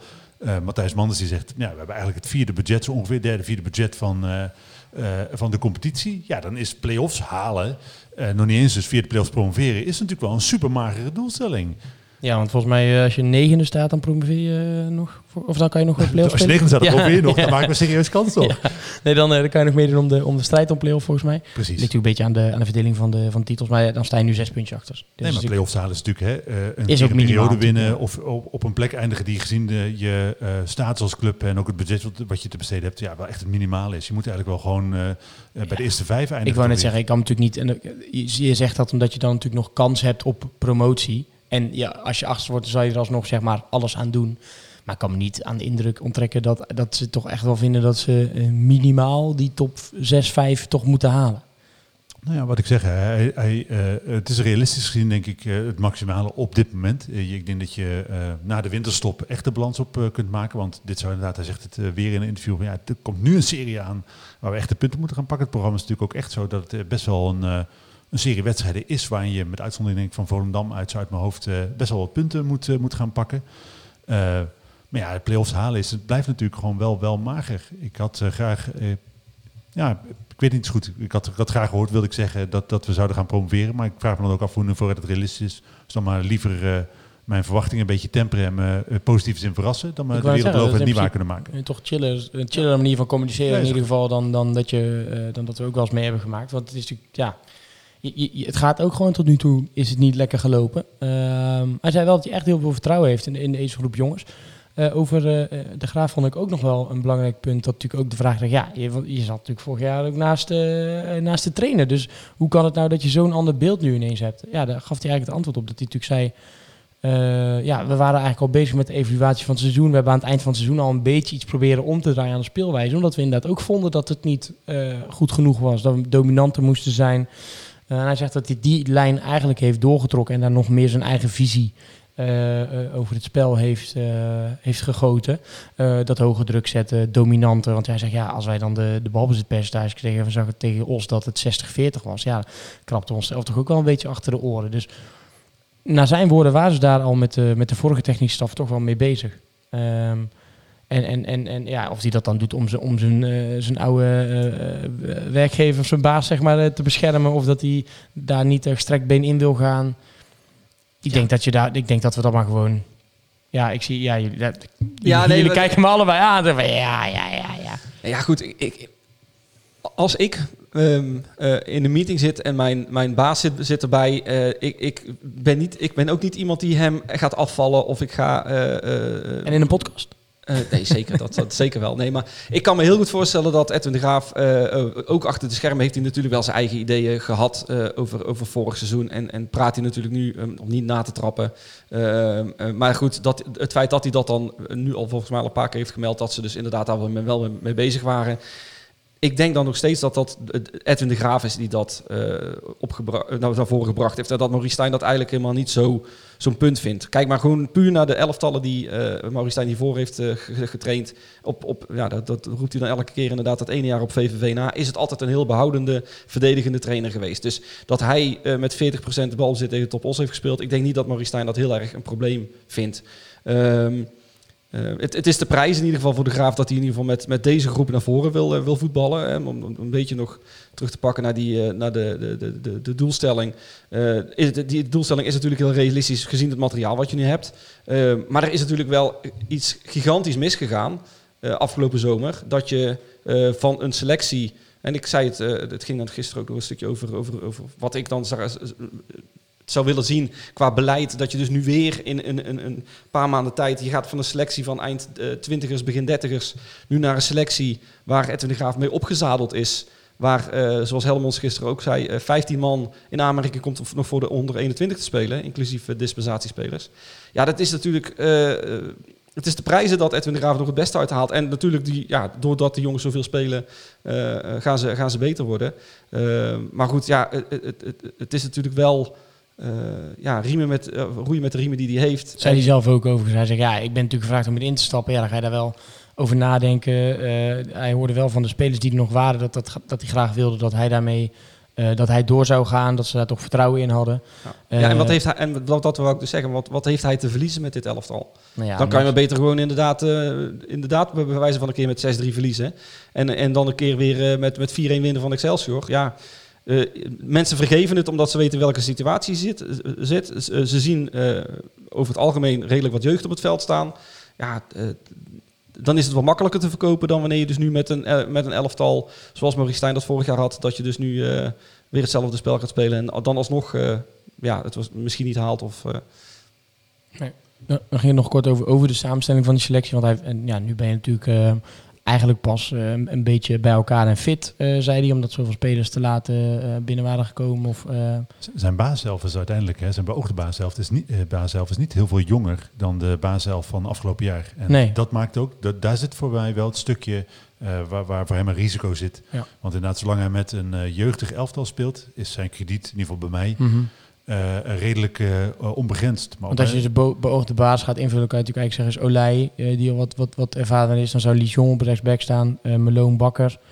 Maria. Of ja, Maria. Maar goed, ja, ik weet niet of hij ooit nog... middenveld met Haaien, eh Ehm, Azagari, wellicht. Villanas? Nee, ja, Suntjes. Zuntjes, Tuurlijk, ja. En dan ehm ehm eh, rechtsbuiten krijg je dan Antonia. Antonia, in de spits, Bilate. Pilate. En linksbuiten Kadroy. Als die, als die in vorm is, denk ik. Precies, en dat is toch een vrij, vrij oud elftal. Ja. Dat is niet heel veel jonger dan vorig jaar. Eh, nee, nee, nee. Nee, dat klopt. Ehm, maar over die samenstelling van de selectie eh, eh, werd natuurlijk ook nog een vraag gesteld. Ja, waarom is nou geen spits gehaald? Vroeg iemand. Daarover was eigenlijk heel kort. Ja, weet je, of, of, of andere spelers in ieder geval. Ja, weet je, we hebben het echt geprobeerd. Maar ja, sommige gasten die wilden of langer wachten. Of zijn toch voor een andere club gegaan. Dat ze misschien de concurrentie te groot vonden bij ons. Dat was Dylan Vente. Daar zijn ze mee in gesprek geweest. Eh, eh, eh, spelers van Manchester City ging het nog even over. Ja, Ben Knight eh, bijvoorbeeld. Daar zei hij, ja, dat was echt een, een goede geweest om hier, eh, om hier te laten voetballen. Maar ja, die gozer wilde gewoon niet naar Nederland op dit moment met, de met de coronaregels. Daar hebben ze nog van alles voor geprobeerd met, met Foden. Of nee, Foden, hoe mijn naam. Dat was Ja, wel chill geweest hoor. Nee, die, met Luis Fiorini. Ik zag ineens geblondeerde koep voor me en Manchester City. Toen dacht ik natuurlijk ook even aan Phil Foden. Eh, maar de Fiorini ingezet om, eh, om hem nog eh, over te halen. Maar ja, als zo'n jongen echt niet wil, ja, dan houdt het natuurlijk, houdt het natuurlijk op. Ja. Hij is hier blijkbaar wel geweest. Hij heeft de stad gezien en dat was allemaal top. Maar hij zei, ja, ik ga het risico niet nemen. Zelfs met een Nederlandse arts hebben ze gebeld, eh, hoorde, hoorde ik, om te vertellen dat... eh, dat, ja, dat, dat echt heel dat in Apeland hier is. ja. En, ja, en ehm, eh, goed, dus, dus, dus dat, hij zegt ja, misschien dat we nog wat in de, in de winter kunnen. En we zijn natuurlijk altijd aan het kijken naar of er nog spelers zijn die we toe kunnen voegen aan de selectie. En dan ging ik het nog heel even over, ehm, nu ben ik zijn naam nog even kwijt. De testspeler, Ja, middenvelder, de ik- linker ook eh, geen- ik middenvelder. vergeet zijn naam ook de hele tijd. Eh, Kachbo, Terwijl ik die, die Trafford goed onthoud. Wallet Kachbo. Ja. Ja, Ja. ja. Wallet Kachbo. eh, Of heeft, Carbo, eh, toch? Carbo? Carbo. In ieder geval, eh, Ik zoek het ondertussen even op, Precies, maar die, eh, die in Belg. ja, die heeft... eh, 22 jaar linksbenige centrale middenvelder. En hij heeft al gescoord. Ehm, en hij deed mee aan de oefenwedstrijd namelijk. En of die dan nog wat zou zijn voor de selectie? Nou, daar ik zijn krijg ze- wel het idee dat ze daar wel, eh, dat ze daar wel mee in gesprek gaan om hem eh, met een leuk contractje goedkoop goed, goed, Ik word daar best wel blij van eigenlijk. Ja. Eh, want ik denk, hij heeft, als je zijn statistieken van afgelopen jaar bij Telstar ziet, volgens mij een wedstrijd of 28, eh zes assists uit mijn hoofd. Best wel oké gedaan. 22 jaar, eh, 22 jaar oud, dus ook een jongen waar, waar normaal gesproken nog eh, rek in zit. Telstar, Goeie, goeie vol, goeie- in de jeugd bij Anderlecht volgens mij gezeten en nog bij een andere gerenommeerde club in België. ja, En, eh, is niet per se, want dat, dat hoor je ook wel eens af en toe, dat, dat hij eh, eh, afgetest zou zijn of zo, of weg zou moeten bij Telstar vanwege zijn kwaliteiten. Maar het, was, het is waarschijnlijk gewoon iemand geweest die heeft gezegd van ja, ik ga niet voor het Telstar salaris blijven voetballen hier. Welat Cachro. W-E-L-A-T-C-A-G-R-O. Oké. Eh, linksbenige speler inderdaad, zoals jullie al... als Dien Belg eh, voorlopig. Dien Belg, ja. Eh, maar goed, ja, dat, dat, daar hebben ze geval nog vertrouwen in, want die andere gozer is weg. Die Trafford. Maar Ehm, dat denk ik ook. En ook wat, wat, wat de Graaf zei over die jongens die dan uiteindelijk niet gekomen zijn. Jongens die dan bij een club wilden, voor een kans wilden blijven gaan. En denk ik, ah, dat zijn allemaal huurspelers geweest. Dan ben ik toch uiteindelijk blij dat, dat je dat soort jongens niet haalt. Want we hebben natuurlijk vorig jaar ook gezien. Ja, die jeugdspelers, met uitzondering van Hendricks, hebben ons eigenlijk helemaal niet sterker gemaakt. En je leidt ze op voor een andere club. Dan heb ik liever dat je zo'n eh Kozia met die paar centjes die je nog hebt, eh, wellicht een contractje geeft. Dat je zo'n jongen als deze binnenhaalt. Of het moet een buitensporig talent zijn. Hè? Ik bedoel, als je dit seizoen er allemaal Hendricks nog een jaar had kunnen huren, had moeten doen natuurlijk. Klopt. Maar, maar geen gokjes met, met, eh met Nee, ik denk niet dat, dat de echte toptalenten van Ajax, PSV, Feyenoord, zeker ook aangezien die onder 21 competitie weer gewoon begonnen zijn, of ze inderdaad in de keukenkampioen divisie aan de slag kunnen, dat, dat waren echt geen toptalenten geweest die naar ons toegekomen waren. Het waren echt jongens geweest die buiten de boot gevallen waren of nog nauwelijks ervaring hadden. Dan heb ik echt liever dat je met je eigen jongens doet. Ja. En dan eh, inderdaad, maar dan maar hopen dat zo'n jongen als deze eh, in het pulletje valt en eh, eh, ja, wat transfer, transferwaarde uiteindelijk oplevert. Dat zou hartstikke mooi zijn. Ja, nou dat gaan we, gaan we zien. Ehm, ja, ik ga, ik ga de rondvraag maar gewoon even stellen. Zijn er nog zaken waarin jullie van zeggen eh, van- eh, vanuit die, vanuit die forumavond eh, wat, wat we hier nog even moeten benoemen voordat we, hem, eh, voordat we dit onderwerp gaan afronden na een dik, dik eh, uur en een kwartier? Jeetje, er is zoveel gezegd gisteren. Nou, NAC was aan het filmen, hè? ze gingen meer met NAC TV doen, dus misschien dat ze Nou, integraal online dat, eh, zetten. dat had ik nog wel gehoord van Manders, dat het de bedoeling is inderdaad dat ze één keer in de week een soort van NAC-journaal gaan, eh, gaan maken op het eigen clubkanaal. Dat ze meer gaan communiceren. De, er was nog gesproken om een eigen NAC-podcast op te nemen, maar eh, daar hadden ze de, de mensen niet voor. Dus eh, het zou bij eh NAC TV... eh, Ik wil hier toch even iets over zeggen. Ik vind het echt uitstekend dat je gaat kijken naar de manier van communiceren en hoe je dat wil doen en noem maar op. Er zijn echt zat kanalen op dit moment waarin je aan kan schuiven, waarin je eh, ideeën kunt eh, pitchen, eh, waarmee je eventueel samen zou kunnen werken, ja of nee.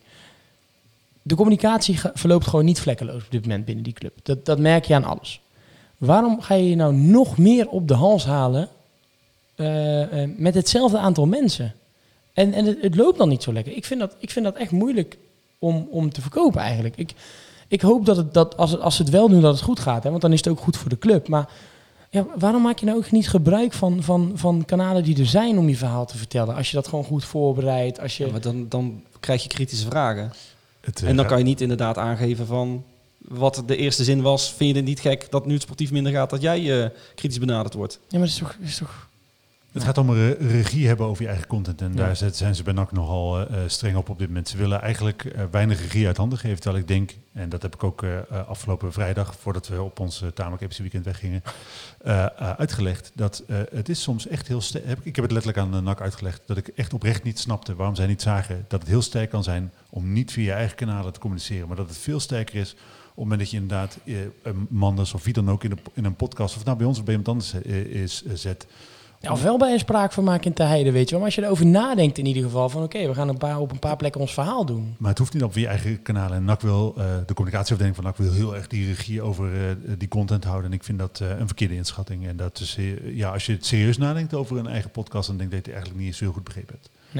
Maar goed, we gaan het, we gaan het zien. Eh, algemeen gevoel na de forumavond? Ik kan het denk ik het best omschrijven met wat, mij, eh, wat, er vannacht gebeurd is. Ik, eh, Oh. ik, ik, werd, ik werd namelijk rond uur of drie wakker. Ik had een nachtmerrie gehad waarin ik een, ik was een soldaat in een Afrikaanse dorp, in een jungle, dat geteisterd werd door een gigantische, gigantische krokodil van ja, een soort van prehistorische proporties. die de mensen één voor één opat, vrouwen bezwangerde. Eh, en ik denk, dat is de manier waarop ik gisteren dus met die forma, hoe ik die forma aan het verwerkt heb. En dat is, eh, dat is een beetje het gevoel wat ik na gisteren overhield. Niet overdeeld positief. Jezus, wat, eh wat Ja, dit is, ja, maar dit is wat mij s'nachts gebeurt. Eh, zijn er mensen die professionele hulp aan kunnen bieden aan Levine? Een meld je bij Zegt bsadred.bsadred.nl. misschien ook wel wat over wat voor tentjes jullie bezocht hebben in Maastricht. Dat hij, eh, Wij weten ook niet meer wat. We hebben echt alles geprobeerd. We hebben hem een podcast gegeven.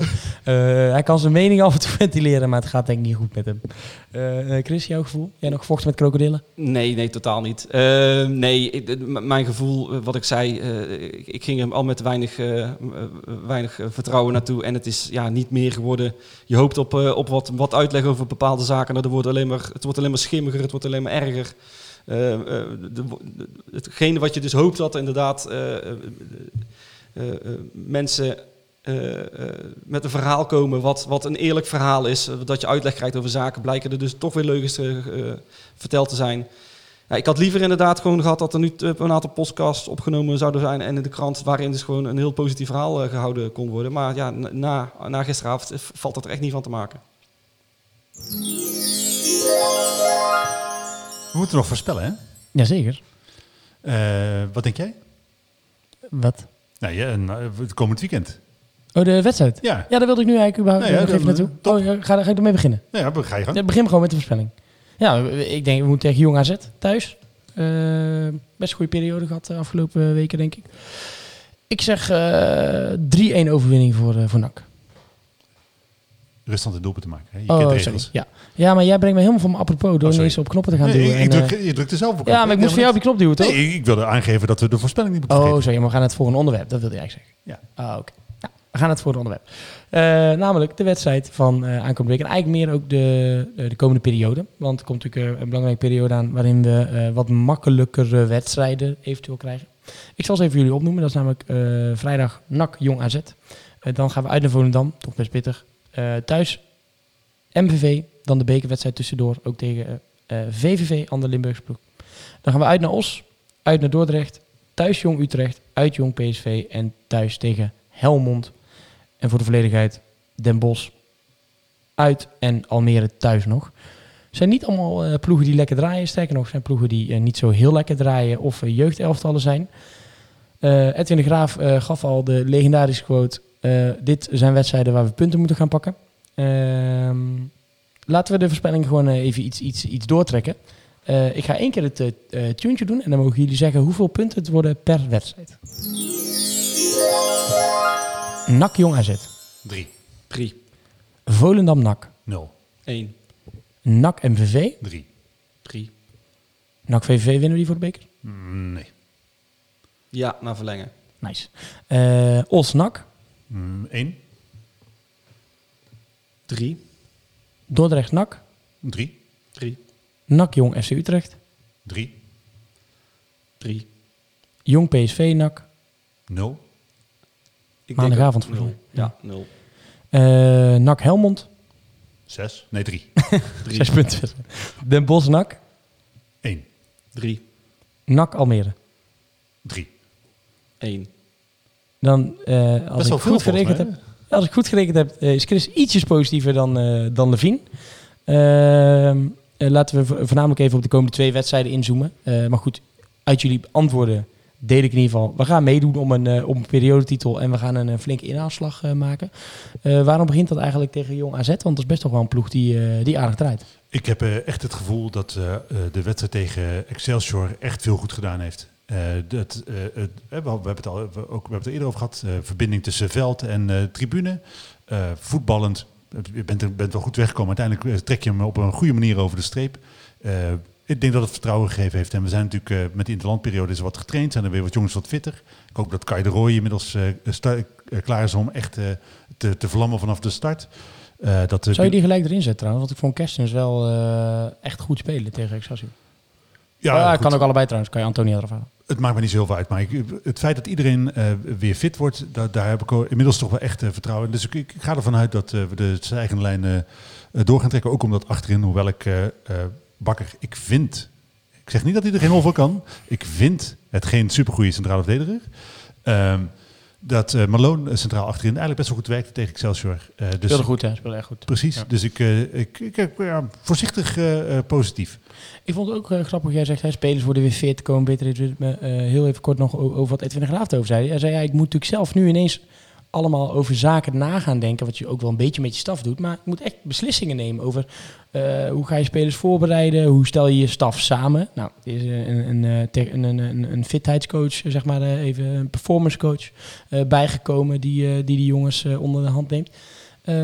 Dat ga je misschien ook wel terugzien de komende wedstrijd. Ben, jij toch niet bang, Chris, ja, dat jong AZ dat het ineens een bananenschil is en je die periode weer heel vervelend begint? Dat is natuurlijk niet uit te sluiten, maar eh, aan het einde van de gisteravond werd er ook nog een, een, een, vraag gesteld door, door Tjerk eh, aan de heren zelf of ze nog met, een, eh, met iets wilden komen. En ja, dat vond ik dan, natuurlijk, het, het is ook wel een beetje eh, wat je wel verwacht had, maar Edwin de Graaf gaf toen zelf wel aan dat vanuit de spelersgroep heel duidelijk werd aangegeven dat zij echt wel een verschil merken als er publiek op de tribune zit en dat ze dat echt een boost geeft. Dus vandaar dat ik Misschien is dat heel erg eh, opportunistisch, maar ik ga er gewoon vanuit dat wij in ieder geval in de komende eh, periode gewoon geen wedstrijd thuis gaan verliezen. Als het publiek eh, massaal opkomt dagen, wat, wat, wat nu weer gaat gebeuren. Ik zag vandaag weer wat cijfers voorbij komen dat er nog 30 kaartjes waren bij, op de B-side geloof ik. Of, eh, raak je wel kwijt. En anders een oproep bij deze, als je nog geen kaart gekocht hebt, dan koop er even eentje. Want het is toch lekker als een paar tribunes zijn uitverkocht. Precies. En als, dan, als, als de supporters kunnen brengen wat, wat tegen Excelsior ge- gebracht werd, dat slaat over op het veld. Zeker tegen Jong AZ. Die, ja, die spelen dus ergens op een achteraf weiland, waarschijnlijk ergens in, eh, in, eh, in de buurt van Alkmaar. Eh, als ze al eens een keer in het stadion zitten, dan is het hun eigen stadion. Dan, worden ze alleen wakker ge- geslagen door die klappers. Die zijn dat ook niet gewend. Dus als daar gewoon een, een, een vol stadion staat te kolken. Tuurlijk, er zullen spelers daardoor misschien wel wat beter gaan spelen. Maar ik geloof echt wel dat zo'n jonge ploeg dat die daar wel geïntimideerd door raakt. En de eigen ploeg naar voren wordt geschreeuwd. Dan moet dat, dan moet dat gewoon gaan lukken. En zijn natuurlijk ijzersterk begonnen, jong AZ. Mijn wereld begint het ook wel wat deukjes op te, op te leveren. Want ze hebben bijvoorbeeld van jong FC Utrecht verloren. Daarna nog wel 2-1 gewonnen van de Graafschap. Eh, verloren van Den Bosch uit. Verloren van Telstar uit. eh 2-1 gewonnen van Dordrecht thuis. Zijn natuurlijk ook niet meer de... Nou ja, je ziet het eigenlijk al een beetje. De uitwedstrijden, dat, eh, dat vinden ze al lastig. En in de, Ja. eigen, de eigen veilige omgeving kunnen ze goed voetballen. En dat zie je vaak bij die jonge, jonge elftallen natuurlijk. Dan eh, eh, spelen we, voordat de volgende podcast wordt opgenomen, ook nog eh, de wedstrijd tegen Volendam. Levine, jij zei daar 0 eh, punten en Chris, jij zei daar eh 1. waarom 0, eh Levine? Ik denk muren. Dat ik, ja, uiteindelijk zijn we natuurlijk nog niet die stabiel presterende club die echt om promotie strijdt. Dat ambiëren we wel, maar dat zijn we gewoon nog niet. En ik denk dat Volendam gewoon een hele lastige ploeg is. Ik hoop van harte dat we daar voor een verrassing zorgen. Maar ik, net zoals met de doelstelling ga ik een beetje van, ja, eh, van, van, van, van weinig uit. Dan kan het alleen maar meevallen. Chris, waarom toch een, eh, toch een puntje? Ja, eh, als je eh, de, de, tegen Jong AZ gewoon goed begint, een goede wedstrijd neerlegt, dan zal er wel, wel wat vertrouwen zijn. En ja, het is misschien ook meer hoop, maar ja, ik, denk wel, als je, ja, nogmaals, als je van Excelsior kan winnen, op, op, eh, natuurlijk niet, het was ook niet helemaal perfect, maar goed, dat was wel de koploper op dat moment. Dan moet je ook tegen Volendam eh, de boel dicht kunnen houden en, eh, en misschien met een speldenprikje er af en toe uit kunnen komen. Zijn wel, is wel een club die meer in vorm is. als je kijkt naar de resultaten. Ze hebben bijvoorbeeld gelijk tegen Excelsior uit. Thuis met 5-0 gewonnen van MVV. Toen 3-0 gewonnen bij de Graafschap. Vervolgens 2-2 thuis gespeeld tegen Roda met een rode kaart op zak.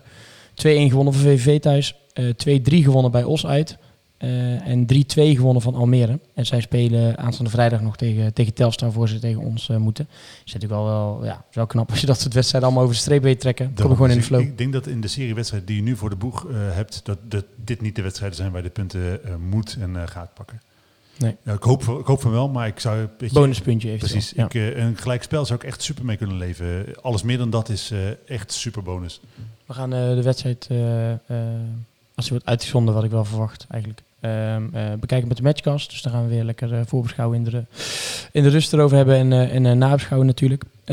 Ja, we zitten op bijna anderhalf uur. Dus eh, we kunnen misschien nog heel even drie, vier minuutjes kort hebben over de update vanuit de aandeelhouders. Omdat daar toch ook niet heel veel nieuws in stond eigenlijk. Eh, het nieuws was namelijk al naar buiten. Er zou exclusiviteit zijn met één partij.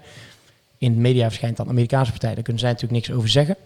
Eh, hoe hebben jullie die update, eh, update gelezen? Wij, zul je altijd zien, zitten we in een kroeg, in een kroegentocht. Zijn we eindelijk eens een keer een weekend weg bij B-Side Reds. Eh, zitten we lekker aan ons derde biertje met stadsgids Ton in een, in een bruin café. Lekker dubbel bok brandbiertje. Krijgen we een, eh, een bericht. Oh, er komt er zo meteen een brief van de, van de aandeelhouders. Dus eh, alle hens weer aan dek. Eh, ja, hoe heb, hoe heb je die brief ervaren? Ik heb hem gewoon gelezen als een bevestiging van wat eigenlijk al lang bekend was. Dus dat er inderdaad exclusiviteitsbereik met één partij, dat, we, dat die gaan kijken eh, of het inderdaad tot een, na het boekonderzoek, wat voor bod ze definitief gaan doen. En dan of ze eruit komen. En dan gaan we dat proces in, hè, dat we inderdaad eh, langs FC, langs Stichting Noord gaan. Ja, we gaan het zien. Ik, weet je, je hoort natuurlijk allerlei verhalen eh, over eh, eh, wie dan meewerkt aan, aan de plannen, wat voor partijen dat dan zijn. dat er dus misschien, ja, ik wil je niet het gas voor de voeten wegmaaien, maar dat ook mogelijk clubhelden op het punt staan terug te keren. Dat zijn natuurlijk allemaal positieve dingen. Ik denk dat je Wie dan, Chris? Nou ja, er gaan natuurlijk eh, genoeg geruchten dat er, eh, dat er nou ja, eh, sowieso de, de naam Unnie Stewart is al vaker voorbij gekomen. Ik heb Lokhoff voorbij zien komen. Dus meestal is het wel zo dat als er dit soort dingen naar boven beginnen te borrelen, dat daar toch wel een kern van waarheid in zit. Dus dan ja, ben ik wel erg benieuwd naar de partij zelf. Want ik kan me dan namelijk ook niet voorstellen. Kijk, de, de link met Unnie Stewart is natuurlijk heel makkelijk. Het is een Amerikaan, kent de club. Heeft al aangegeven vorig jaar zomer dat hij terug naar Nederland wilde op termijn. Perry Eh, Hendricks eh, staat ook in de startblok om eh, terug te Ja. keren. Past natuurlijk goed bij een Amerikaanse Ja. partij. Ja, Ja. dus nee, dat, dus, dat, zou me allemaal niet verbazen. En misschien dat het daar ook de, de, de wensvader van de gedachte is natuurlijk. Maar, eh, nou ja, goed, de, de, de, ik, ik ben in ieder geval eh, blij verrast. Ja, blij verrast is misschien ook wel weer overdreven. Maar fijn dat er nu een, vanuit de aandeelhouders ook eventjes een berichtje komt van... joh, dit, dit speelt er nu. Het is, Het is toch gewoon een de- prima bericht. Het is, Ja. Je kan misschien ook wat te laat of Maar- iets dergelijks. Maar. Weet je, ik ben dan toch een zure vent en ik denk, Dat eh, eh, ja, dat is ook zo. Maar de, Dankjewel voor het luisteren, lieve luisteraar. nee, wat. Nee, maar ze zeggen, we hopen, dat we, we kunnen hopen, hopen op jullie steun te kunnen rekenen. Ja, was- ik denk, flikker op, man. Wij zijn de reden dat die club in de verkoop staat. Mhm. Eh, ik, ik zag een tweet van John Peek voorbij komen die exact dit zegt. En ik denk, ja, hij heeft helemaal gelijk. Ja. Je kan niet zeg maar eerst ons, eerst ons als reden aangeven om de club te verkopen. En dan zeggen, oh, je moet ons wel steunen. Moeten we, achterban is superbelangrijk. Flikker erop, man. Ja, Ik kan die, nee, nee, Nee, dat klopt. Dat klopt gewoon. Kijk, dat wij, de- dat wij de club blijven steunen en eh, wat er op het veld gebeurt. En zo'n actie tegen Excelsior en inderdaad eh, vrijdag, ja, dat denk ik gewoon echt wel buiten kijf. Daar hebben we gewoon gezien, er zit gewoon enorm veel clubliefde bij mensen. Maar je kan natuurlijk niet, niet vragen als aandeelhouders, in ieder geval grootste, de, de aandeelhouders met het grootste deel, ja, blijf ons trouwens wel, wel steunen hierin. Dat zouden we heel fijn vinden. Ja, ja is, wat jij zegt, dat is gewoon heel terecht. Dat is natuurlijk heel dubbel. En die mannen met eh, diepe zakken, maar naar verluid en kleine penis, daar eh, die neem ik gewoon niet, eh, niet serieus. Jij vindt dat een kleine penis Nee, nee, ik zeg naar verluid. Dat zijn de verhalen die gaan. nee, maar dus ik neem die niet zo heel serieus. Ik ben blij als zij geen eigenaar meer zijn. Ik hoop alleen dat de partij die hen opvolgt een NAC daadwerkelijk verder gaat brengen. En dat is iets wat, wat echt, echt nog afwachten wordt. Ik heb daar nog. ik hoop dat het scenario klopt. Dat er allerlei clubmensen klaarstaan die de club in de vaart der volkeren opstuwen. Maar ik eh, hou mijn hart eh, volgens nog een beetje vast. Ga ik hem toch afsluiten met het voorspellingsdeuntje. Want er gebeurt genoeg, maar er wordt toch weer gevoetbald. Aanstaande vrijdag. NAC Jong AZ om 8 uur in het Radverlegstadion. Levine, graag eh, ruststand, eindstand en de eerste doelpunt maken. Ik denk eh 2-0, 4-1. En ik ga het doelpunt laten maken door. Ga je ook... Oh, je geeft assist. Ik ga doel, ja zeker. Dat, Ja. eh, eh, een doelpunt zou ik zelf zou ik niet maken. Assist zetten we misschien nog in. Ik denk, eh, ik hoop, eh, ik hoop Kerstens. Chris, doelpuntmakers, eh ruststand, eindstand. 1-0 bij de rust, eh 2-0 en doelpuntenmaker, de eerste doelpuntenmaker, eh Seuntjes. Dan ga ik zelf voor eh, veilige keuze, denk ik. 1-0, 3-1. En ehm, Mario Bilata alweer erbij? Ja, je mag hem laten scoren als je wil, hè? Mario Bilata. Zou ik mooi vinden. Super Mario, kunnen we dat ook weer eens een keer zingen. Ja, eh, voor de luisteraars, eh, ik hoop dat jullie het niet erg vinden, maar het is een eh, iets wat langere uitzending geworden van een tikje naar het zuiden. Dat had natuurlijk alles te maken met de forumavond en dat we daar uitgebreid op wilden terugblinken. Was ook denk ik wel nodig. Er zal ook zeker niet het laatste woord over gesproken zijn. Wil ik jullie bedanken. Chris natuurlijk in het bijzonder. Bedankt dat je aan wilde schuiven. Graag gedaan. Zeker na gisteren al. Tweede dag op rij dat je van huis bent. Dus de komende dagen even thuis, denk ik. Hè? Ja, dat is zeker. En dan En vrijdag vrijdag, weer weg, ja. vrijdag mag je weer op pad. Levine, dankjewel dat je er toch weer eh, zat en eh, zit ook waarschijnlijk de komende weken.